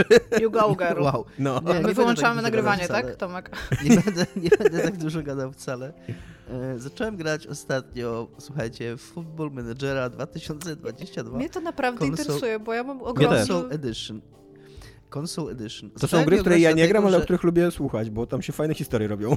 Tak. Zacząłem w, nią w, nią, w tą grę grać głównie dlatego, że przeczytałem, nie pamiętam przy okazji czego, na Rock Paper Shotgun taką dosyć interesującą opinię, której to autor narzekał, że gry Football Manager 2022 Console Edition nie ma na PC-ta. Co wydaje się, co wydaje się trochę, trochę śmieszne, ale okazuje się, on to argumentował tak, że ta wersja konsolowa, ona nie tylko ma inne sterowanie, ale ona jest y, prostsza. Tam jest trochę mniej elementów, ona jest y, taka bardziej zwarta, mniej daje możliwości, mniej, mniej jakby wymaga od gracza, ale też przez to jest taka, szybciej się toczy, nie, nie wymaga aż tak wielkiej uwagi, nie, jest taka skomplikowana. I właśnie on, tego mu brakowało, że ta mniej skomplikowana wersja Football Managera fajnie jakby była też dostępna na PC-tach. Więc zacząłem, ściągnąłem to, bo to mnie tak zaintrygowało, że jak jest taka mniej skomplikowana, to może się wciągnę. Kiedyś za dzieciaka lubiłem grać w menadżery piłkarskie. Jezu, ja też. Tam E, rosną na- te, te, te liczby, tak rosną i rosną, a czasami jak coś się dzieje, to, to maleją i wtedy trzeba coś zrobić i znowu rosną, a potem już napisane, Tak. jak miecz przebiega, jest Więc, super. więc zacząłem grać w- i tak, po pierwsze ta gra jest strasznie źle zrobiona, yy, jeżeli chodzi o sterowanie na konsoli. Znaczy to jest nic dziwnego, bo każda taka gra ma problemy ze sterowaniem. Yy, Tam ma dwa tryby sterowania. Jedna taka, że się lewym drążkiem przełączasz między oknami i tam później D-padem próbujesz odpowiednią opcję trafić i coś zmienić. A druga, yy, która pewnie pojawiła się dlatego, że w pewnym momencie designer interfejsu stwierdził, dobra, pierdolę to i, i dodał opcję naciśnięcia drążka, żeby się kursor pojawił i żeby móc kursorem. I są pewne... I są, To jest anti-design at its finest, no. Autentycznie tak myślałem, to myślałem, że to po prostu ktoś w pewnym momencie próbował to zrobić cały ten sposób i nagle stwierdził, nie kurwa, jebie, to nie da się. Przepraszam, że tak, przepraszam, że tak przeklinam, ale Ale on tak To nie ty, to tak ten powiedział. designer. No. tak, no właśnie staram się wyobrazić sobie jego, bo, bo i są niestety takie momenty, w tym, to nie tylko tak mówię, że to jest niewygodne, bo są takie elementy tego interfejsu, niektóre rozwijalne listy, do których po prostu nie da się dojechać yy, kursor tym, yy, analogiem i trzeba ten kursor włączyć, więc to dla mnie tak totalnie wygląda, że to jest, dobra, to nie działa, po prostu dajmy kursor i tyle, jak ktoś będzie chciał do tej opcji dojechać, to sobie dojedzie, więc gra się w to super niewygodnie, bardzo długo trzeba się przyzwyczaić do tego, yy, do tego sterowania, ale op- oprócz tego, że, że gra się w to super niewygodnie, to gra jest naprawdę ekstra. I naprawdę się bardzo dobrze bawiłem. Przede wszystkim to jest taka gra, mm, bo sobie tutaj wpisałem, jak zaraz pytałem, że połączę to z Crusader Kings 3, bo to jest gra bardzo podobna w duchu, czyli tak naprawdę wielka baza danych połączona różnymi zależnościami, która wrz- wrzuca cię w te, w te zależności i pozwala się nimi bawić. Podobnie jak Crusader Kings wydaje mi się, że tu nie ma za bardzo wyzwania w tej grze, to znaczy ja mm, jako lokalny patriota i też człowiek nie interesujący się jakoś super piłką, wybrałem Lechia Gdańsk do prowadzenia, która nie jest y, jasny zespołem jakimś z dołu tabeli, ale też nie jest jakimś, jakimś wielkim, wielką drużyną niesamowitą. I bez problemu w moim pierwszym sezonie, który zajął mi autentycznie z 20 godzin Yy, grania non-stop, bo włączyłem to patriotycznie chyba 11 listopada albo 10, albo z 10 na 11, albo z 11 na 12. Ale no grałem tak, że zacząłem wieczorem, skończyłem wieczorem następnego dnia. Yy, I, I to był jeden sezon i w trakcie tego sezonu zająłem drugie miejsce w lidze, ale kurna o trzy punkty mnie Lech wyprzedził, bo na koniec kurna e, jak się, z, jakiś zespół z Częstochowy, już nie pamiętam teraz nazwy, zespół z Częstochowy, kurde, wygrał ze mną w ostatniej kolejce, e, a z kolei Lech wygrał swoją ostatnią kolejkę i przez to spadłem e, i Lech mnie wyprzedził i straciłem pierwsze miejsce w lidze. A, Raków ale wygrałem Częstochowa? Tak, Raków Częstochowa, dokładnie. Raków Częstochowa, kurna, nienawidzę ich. Ale wygrałem Puchar Polski. Yy, I, i, I mówię, i drugie miejsce w lidze, nie wiedząc o, pił, wiedząc o piłce nożnej bardzo mało i nie interesując się nią. Tam jest pełno taktyk, które wybierasz. Tam na początku wybrałem taktykę, tam nie wiem, atak skrzydłem, bo to nie brzmiało fajnie. Dobra, biorę atak skrzydłem, ale niezależnie od tego, co wybierzesz i jak sobie się poiczkują wtedy, ja, ja znam się tak, na piłce nożnej. I, I niezależnie jak ich sobie poustawiasz, to na przykład widzisz z czasem, jak stosujesz tą samą taktykę, to takie widzisz strzałki między nimi się pojawiają, że zawodnicy uczą się grać między sobą, że tam obrońca z pomocnikiem się uczy współpracować. I ty widzisz, że twoja strategia, nieważne co wybierzesz, ona jest, działa coraz skuteczniej. Yy, potem tam w pewnym momencie zobaczyłem, że ten mój atak skrzydłem przeciwko jakiejś drużynie nie działa, no to zacząłem grać pionową tiki-taką, bo stwierdziłem, tak, będę grał tiki-takę, kurna, Lecha Gdańsk, jedziemy. I, yy, i Akurat co tiki taka to jest, to wiem, to jest bardzo znane. To jest, Iga się śmiejesz, ale to jest e, bardzo znany sposób grania charakterystyczny dla drużyn Hiszpanii, polegający na dużej liczbie krótkich podań. E, okay. I, I stwierdziłem, dobra, będę tak grał. I, i wiesz, i, i sobie wybrałem to i, i, i znów, nagle przeciwko tej drużynie, przy której, przeciwko której przegrywałem, zmieniałem tą taktykę i nagle zacząłem wygrywać. Nie wiem, czy to dlatego, że to była dobra taktyka, czy dlatego, co podejrzewam, e, że ta gra jest trochę tak zrobiona, że, że ona trochę dopasowuje się tak, że, żeby graczowi było dobrze. Wydaje mi się, że to jest, że to jest du równie dużo symulacji, jak takiego mm, jak takiej psychologii, jak czegoś takiego, że twórcy koniec końców robią grę, w którą ma się fajnie grać, a nie która ma być narzędziem treningowym dla przyszłych y, szkoleniowców. Yy, I, I, wydaje mi się, że ona jest tak zrobiona po prostu, że koniec końców, nie, nieważne jakie decyzje podejmujesz, to, on, to będziesz widział jakiś pozytywny efekt i, i, i, i jakoś to cię utrzymuje przy tej grze. Yy, ale ale no jest, to, jest to super wkręcające i super takie mm, właśnie pociągające takie, za takie różne sznureczki w mózgu, nie? Że, że, że tutaj coś tam wymyślasz, kombinujesz i, i widzisz nagle zaraz efekty tego. To jest takie bardzo bezpośrednie, bo to jest też z tego, co czytałem, pierwsza, znaczy mocno zmienili silnik meczowy, bo oczywiście możesz mecze oglądać, więc w tych moich 20 godzin grania to ku nas 5 godzin spędziłem na oglądaniu skrótów nieistniejących meczów, więc się dziwiliście, że poszedłem w piątek oglądać mecz Polska-Andora. Słuchajcie, ja byłem po 20 godzinach oglądania malutkich ludzików z, z fejkowych meczów, więc, więc naprawdę mm, to było super ekscytujące dla mnie, jak prawdziwi ludzie biegali. Ale ten silnik meczowy jest bardzo cool, jest bardzo spoko, są te ludziki są, są w pełni Lepszy 3D, są małe. Football? Mm, nie, pewnie tak, nie wiem.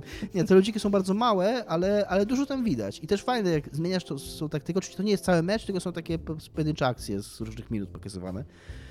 Ale też jest fajne to, jak widzisz, jak oni zaczynają inaczej grać, jak rozpoznajesz tych swoich ludzików, jak tutaj masz tego swojego tam, ty, nie wiem, yy, nie pamiętam teraz nazwisk, no. Wiem, że mam jednego typa na obronie, który nazywa się Kopacz, to stwierdziłem, że nazwisko Kopacz dla piłkarza to jest dużo lepsze nazwisko, dla, w sensie, że to jest dużo lepsze nazwisko dla piłkarza niż dla polityka. nie wiem, jakoś tak... Yy, sobie pomyślałem. E, nie pamiętam nazwisk, ale, ale jak gracz się przywiązujesz do tych ludzików, to jest taki efekt trochę X-Koma, że przywiązujesz się do tych, do tych swoich piłkarzy, widzisz jak tam im te statystyki rosną, widzisz na przykład, że tam uczą się grać na jakiejś pozycji i idzie im coraz lepiej, a później zatrudniasz jakiegoś nowego typa, zrobiłem transfer, w ogóle okazało się za 8 milionów, co było rekordem pobiłem rekord Lechi, jeżeli chodzi o transfer, poprzedni był najwyższy za 2 miliony. Jest też dużo takich y, zaskakująco, zaskakujących dla polskiego odbiorcy, e, wydaje mi się, a, ale pewnie koniec końców nie, bo to jest taka gra w bazę danych, więc może nie powinno mnie to dziwić, bo takich drobnych faktów. Na przykład jak skończyłem e, na tym drugim miejscu, to dostałem informację, że e, jest to też najlepsza pozycja, na jakiej Lechia skończyła w tabeli ligowej, a ostatnim rekordem było trzecie miejsce w 1955 roku. E, także jest, tam, jest w tej grze zagrzebanych dużo takich danych, faktów, e, informacji i jest to takie właśnie, że, że klikasz sobie po tym i kurde, totalnie teraz się... E, chciałbym grać w grę Mateusza Skutnika, ale mam wrażenie, że kurna, tylko skończymy nagrywać ten odcinek i, i pójdę się odkuwać na Lechu. Teraz kurna zacząłem grać jeszcze w jakichś europejskich pucharach i to tam mnie ustawili na właściwą pozycję. Gra swoją drogą ma licencję do League, ale chyba nie ma licencji do pucharu, więc puchar się nazywa Europea, European Cup 2 co jest chyba... To jest klasyczny puchar piłkarski. Jest coś takiego jak Superliga chyba, to, to, to, chyba o to chodzi. I dostałem od jakichś mhm. Turków 4-1, którzy mnie ustawili na, na właściwym miejscu, więc może się skończy moje, moje, mój entuzjazm do, do wygrywania wszystkiego związane z wygrywaniem wszystkiego praktycznie, co jest do wygrania. E, ale, ale też jak zaczynałem, w tej, zaczynałem tą ligę, to, to nie szło mi tak dobrze. Na początku przegrywałem, więc też mi się wydaje, że na początku przegrywałem, coś tam pozmieniałem ludzików, pozmieniałem taktykę i nagle zacząłem wygrywać. Zastanawiam się, czy ja jestem takim genialnym e, tutaj ten samorodnym talentem, jeśli chodzi o yy, prowadzenie drużyn piłkarskich, czy to jednak ta gra troszeczkę wychodzi z takiego założenia, że jak gracz nią gra i podejmuje jakieś decyzje, to lepiej, żeby tak netto, może nie od razu zwycięstwo Ligi Mistrzów, ale żeby ten progres szedł do góry jednak, żeby ta drużyna radziła sobie coraz lepiej, bo inaczej to, to jest za frajda z grania w grę. Yy, I no i tyle w sumie. No, nie, nie, wiem, czy jakoś super długo mówiłem, nie wydaje mi się. Yy, I, I, tylko o Crusader Kings krótko, yy, bo miałem mówić już dawno. I grałem też, miałem podobną, podobny ciąg miałem do tej gry, że tak właśnie wpadłem w ciąg i grałem kilka dni non-stop, po czym się znudziłem i przestałem. Przypuszczam, że z Football Managerem będzie tak samo. I to też, jest, to też jest taka gra w bazę danych. I to też jest taka gra właśnie, w której też ja nie jestem jakimś super, wydaje mi się, strategiem, mało gram w strategię, ale też raczej mi się udawało tą moją Irlandię, którą prowadziłem, podbijać kolejne tam hrabstwa, coraz większy, coraz większy fragment mapy mieć dla siebie. I jakoś tam te moje decyzje zawsze kończyły się czymś ciekawym, nawet jeżeli nie czymś dobrym. Tutaj Crusader Kings jest dużo bardziej Yy, ma dużo szersze pole do, do robienia tego, no bo jednak Football Manager to jest gra o prowadzeniu drużyny piłkarskiej, tam możesz wygrać, możesz przegrać, możesz zremisować, jak tam Górski mówił chyba tak. Yy, a, a, a w Crusader Kings się dzieje mnóstwo rzeczy, że tam nawet jak przegrasz wojnę, no to z tego mogą być ciekawe konsekwencje, bo jest ten system zależności pomiędzy postaciami, pomiędzy tam królami, yy, ich żonami i tak dalej, i tak. I, I to są gry, które naprawdę bardzo minimalistycznymi środkami Football Manager to jeszcze bardziej od Crusader Kings, bo Crusader Kings to przynajmniej ma jakąś grafikę. E, Football Manager no ma te mecze, ale poza meczami to to są po prostu tabelki i klikanie po ludzikach, ale no jest to, potrafi być to naprawdę zajmujące i, i e, jeżeli, jeżeli macie Game Passa i macie Xboxa i przeżyjecie straszliwy interfejs użytkownika, to nawet e, ja, moje zainteresowanie piłką nożną jest bardzo powierzchowne. Oglądam Ta, mecze oglądasz mecze z Andorą, nie? No oglądam mecze No tylko dlatego, że widział powtórki nieistniejących meczy z, ze swoimi małymi ludzikami i chciał zobaczyć Zobaczyć prawdziwy mecz w końcu, tak. Nie no, oglądam mecze reprezentacji, to jest taka, taki ładunek y, futbolu, który totalnie zaspokaja moje sportowe potrzeby, wiesz, śledzenia sportowych emocji. Oglądałem mecz z Andorą, bo to był przy okazji też ważny mecz, decydujący o naszym wejściu do baraży. No dobra. E, Iga, jest komentarz dla ciebie jeszcze, już kończąc. E, opowiedz co nieco o swojej klawiaturze, bo tłum się tego doga, do, domaga, jakby widownia się tego domaga. domaga. E, Właśnie ja tego, ja tego trochę nie rozumiem, bo ja też odpisywałam już ludziom i mówiłam, jaka to jest klawiatura. To jest klawiatura e, Rocat Vulkan IMO 121, czyli w tej czarnej wersji, bez jakichś takich przetarć.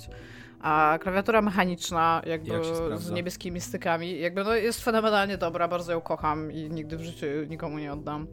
A świeci się jak ja pierdziu, ma różne motywy, w których może się świecić, może się nie świecić, ale cały czas się świeci u mnie, jako że więcej laserów jest wytatuowane na moim sercu, no to musi, jest, jest motywy laserowe teraz. A ja jej używam wcześniej u mojego ziomeczka i zakochałam się od pierwszego wejrzenia, po prostu tam od pierwszego dotknięcia bym powiedziała, po prostu nagle wygodnie się pisało na klawiaturze. Jakby, czy ją polecam? Tak, ale jest super droga jak na klawiaturę, jakby też nie sądzę, że, że jakby że to jest coś, co, co uważam za najlepszą inwestycję, no ale już ją mam, bardzo ją kocham. Fajnie się na nie gra. A ma ten ghost, anti-ghosting, tak, tam dosyć dobrze ogarnięty. Ogólnie, no jakby very ok. Jak na razie super się sprawdza, żaden klawisz się nie zacina. Ma... Jedyne co, to ma klawisz funkcyjny zaraz obok alta i non-stop otwieram jakieś nowe strony zamiast wpisać eń na przykład. Więc to, to jest jedyny problem, jaki A ile odczuwam. kosztowała? Od... Uuu, albo w promocji. ja za zapłaciłem 4,5 stówy. I to, była, to, jest, to jest promocyjna cena jakby, nie? A, no ale jest, jest to kawał dobrze wykonanej klawiatury. Tylko, że z drugiej strony ja też nigdy nie wydawałam więcej niż 5 dych na klawiatury, nigdy. Jakby... Czy, czy to jest coś, co polecam zacząć robić? Najprawdopodobniej nie. E, mam też obok e, myszkę Genesis, nie pamiętam nic o niej, bo dostałam ją i ona też się świeci świeci się na inny kolor, co trochę mnie frustruje, bo chciałam, żeby się świeciła na ten sam kolor. Ale jakby... No co, co mogę powiedzieć? Dobra klawiatura to jest, no. Porządna, dobra klawiatura. Czy jest warta swoje ceny? Zastanówcie się, czy realnie potrzebujecie tego typu klawiatur. Jeżeli byście chcieli ją zobaczyć, to idźcie do sklepu, najpierw w nią poklikajcie i zobaczcie. Plus to jest klawiatura mechaniczna, więc jakby zapytajcie się domowników, czy będą z tym ok, że ją będziecie mieć. Bo, bo to jest bardzo nie fair kupić klawiaturę mechaniczną, nie obchodząc się dobrobytem innych ludzi, którzy z wami mieszkają. Dobra. Więc tyle. Nie E, wiem, czy to odpowiada na pytanie. Fajnie no się tak, na niej gra. Tak, odpowiada. Jakby nie przeszkadza fakt, że jest mechaniczna, jest pretty cool. E, ma mały enter. Bo to jest coś, co ja lubię, jak jest duży enter, ma mały, ale już się nauczyłam tam napierniczać palcem, więc... Dominik, dawaj ścieżkę dźwiękową pod Patronite. Pieniądz, pieniądz, pieniądz, pieniądz. Tak, pamiętajcie, że mamy Patronite'a, na którym nam e, bardzo pomagacie i, i zapraszamy, żebyście pomagali nam bardziej. Ching. E, patronite.pl łamana na niezatapialni. E, dziękujemy wszyscy, którzy nam pomagają i którzy tam wpłacają i zapraszamy kolejne osoby, żeby zasłużyły sobie na te podziękowania i żeby też wpłacały. Ale jeżeli nie będziecie wpłacać, to też jesteście w porządku, To to też was kochamy spoko, i nic tak. nie będziemy za paywallem nigdy. E, tak, to zamykać. prawda. E, I nie będziemy tak dokładnie, to chciałem powiedzieć, nic za, zamykać za, za paywallem. Dominik, wyłącz ścieżkę dźwiękową. E, a w sekcji poetyckiej mamy dzisiaj długi wiersz z długim tytułem. E, tytuł idzie tak. Na stary bilet komunikacji miejskiej znaleziony w kieszeni długo nienoszonego płaszcza w innym kraju.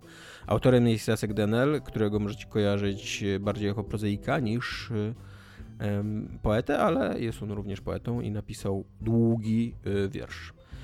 Więc tak, lecimy. Byliśmy przecież dziećmi. Jeździliśmy czerwonymi wagonikami, uczyliśmy się słowa pantograf, jedliśmy złe lody, które wtedy wydawały nam się dobre, o imieniu greckiej nimfy, którego wtedy nie znaliśmy. I hej, zakręt, tyrk, tyrk. Wszystko się zmieniało. Krzesełka, ich obiciówki w nowych, niebywałych kolorach. Byliśmy ostatecznie dziećmi i bawiły nas rzeczy pstre. Zmieniały się taryfy i legitymacje, które podobno niegrzeszni chłopcy umieli oszukać pieczętując orzełkiem, już w koronie, z dziesięciograszówki, już po denominacji. Byliśmy coraz wyżsi, mimo Czarnobyla, może przez brojlery z hormonami wzrostu, może po prostu przez ten no- nowy, lepszy świat. Byliśmy zatem wyżsi i zapryszczeni, i zakompleksieni, więc w ciemnych pokojach czatów i wstydliwych zagamarkach wolnych przeglądarek, które odwiedzali podobno tylko niegrzeszni chłopcy, dowiadywaliśmy się co i jak, A czy P, bo nie dla nas sekrety z brawo. Bitego przez zdrową większość byliśmy przecież dziećmi i robiliśmy złe lody, które wtedy wydawały nam się dobre. Pisaliśmy listy miłosne na papierze, wysyłane na poczty, których śmieszne nazwy wydawały nam się samym pięknem. Udawaliśmy kolegów, udawaliśmy, że wcale nam nie jest przykro, udawaliśmy, że ten dowcip nas bawi, udawaliśmy, a ostatecznie się nie udało. Byliśmy przecież dziećmi. Uczyliśmy się słowa pantokrator. Uczęszczaliśmy do salek katechetycznych, zmieniały się taryfy i legitymacje, a my jechaliśmy nadal na gapę. Niektórzy z nas mieli zły wygląd, inni mieli dobry wygląd. Spoko, kolo, bez skojarzeń. A czy P i ostatecznie ktoś się dowiadywał. I ostatecznie ktoś wyjeżdżał, na zawsze, z okolic, poczty o śmiesznej nazwie, która kiedyś wydawała nam się samym pięknym, a potem nigdy już nie chcieliśmy jej odwiedzać. Bo są rzeczy ponad nasze siły, bo są rzeczy przekraczające wysokość opłat, a inni jechali, Jeszcze dalej byliśmy wprawdzie dziećmi, ale trumny miały już rozmiar dorosły. Ale o tym się tylko słyszało ktoś gdzieś, nigdzie blisko. Ten niebezpieczny zakręt, tyrk, tyrk, do wesela się zagoi. Wszystko się zmieniało, mieliśmy klucze do stacji, mieliśmy kochanków i mieliśmy własne zdanie. Ale byliśmy przecież dziećmi tej ziemi, tej ziemi. I miała ona swoje taryfy, swoje tabele opłat za nieuzasadnione użycie ciała, a zwłaszcza miłości do kogoś z okolic poczty o śmiesznej nazwie. O za to nie należało się brawo, tylko piekło z rozpalonymi do czerwoności wagonikami. Byliśmy przecież dziećmi, jeździliśmy do siebie pospiesznym, który zawsze wydawał się zbyt wolny. Ta niecierpliwość, ta niecierpliwość, ten brak lokum, bo byliśmy przecież dziećmi, chociaż łóżka miały już rozmiar dorosły, ciemne pokoje i wstydliwe zakawarki wolnych pomieszczeń o zupełnie innym przeznaczeniu. Udawaliśmy, że przeznaczenie nie ma znaczenia. Udawaliśmy, że przeznaczenie jakoś da się oszukać. W tym kraju pieczętowanym orzełkiem, już w koronie, i krzyżykiem, już po denominacji. I przejechać się, i przeje przelecieć się na gapę, na brawo, tyrk, tyrk. Unikając swawolnych podglądarek i ciekawskich donosicieli, z ich wyciąganiem z kieszeni spoconą dłonią legitymacji, z ich tapelami ta taryf za nieuzasadnione użycie, całych siebie, samych siebie. Byliśmy przecież dziećmi i jeśli mieliśmy wiarę, to tylko naiwną, że ostatecznie się uda.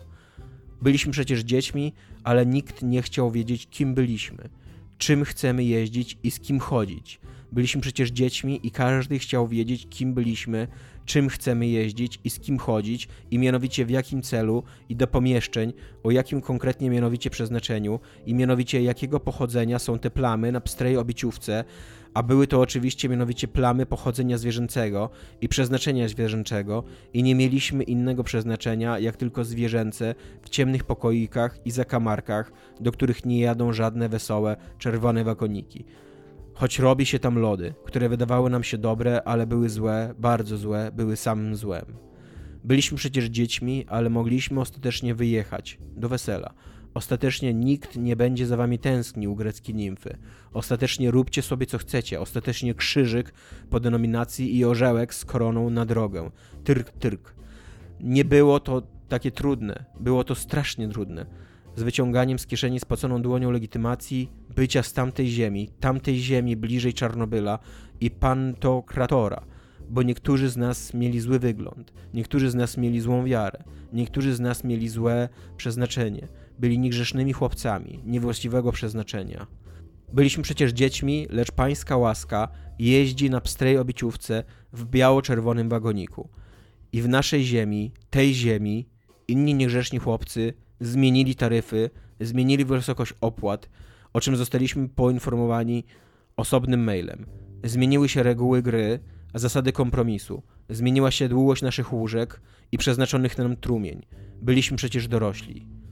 Byliśmy przecież dziećmi i w innym kraju szliśmy w dawno nienoszonym płaszczu. Wsuwaliśmy do kieszeni dłoń i znajdowaliśmy bilet, zresztą nieważny. Jakby wszystko to było nieważne, jakby nieważne było, że byliśmy przecież dziećmi. E, jeszcze chciałem przypomnieć ludziom, że mamy grupę, która się nazywa Nieszyste Zagrywki, a nie Niezatapialni na Facebooku. E, więc jeżeli chcecie dołączyć do naszych fascynujących dyskusji o grach wideo, to po prostu znajdźcie grupę Niczne Zagrywki. To tyle na dzisiaj. Hej. Cześć.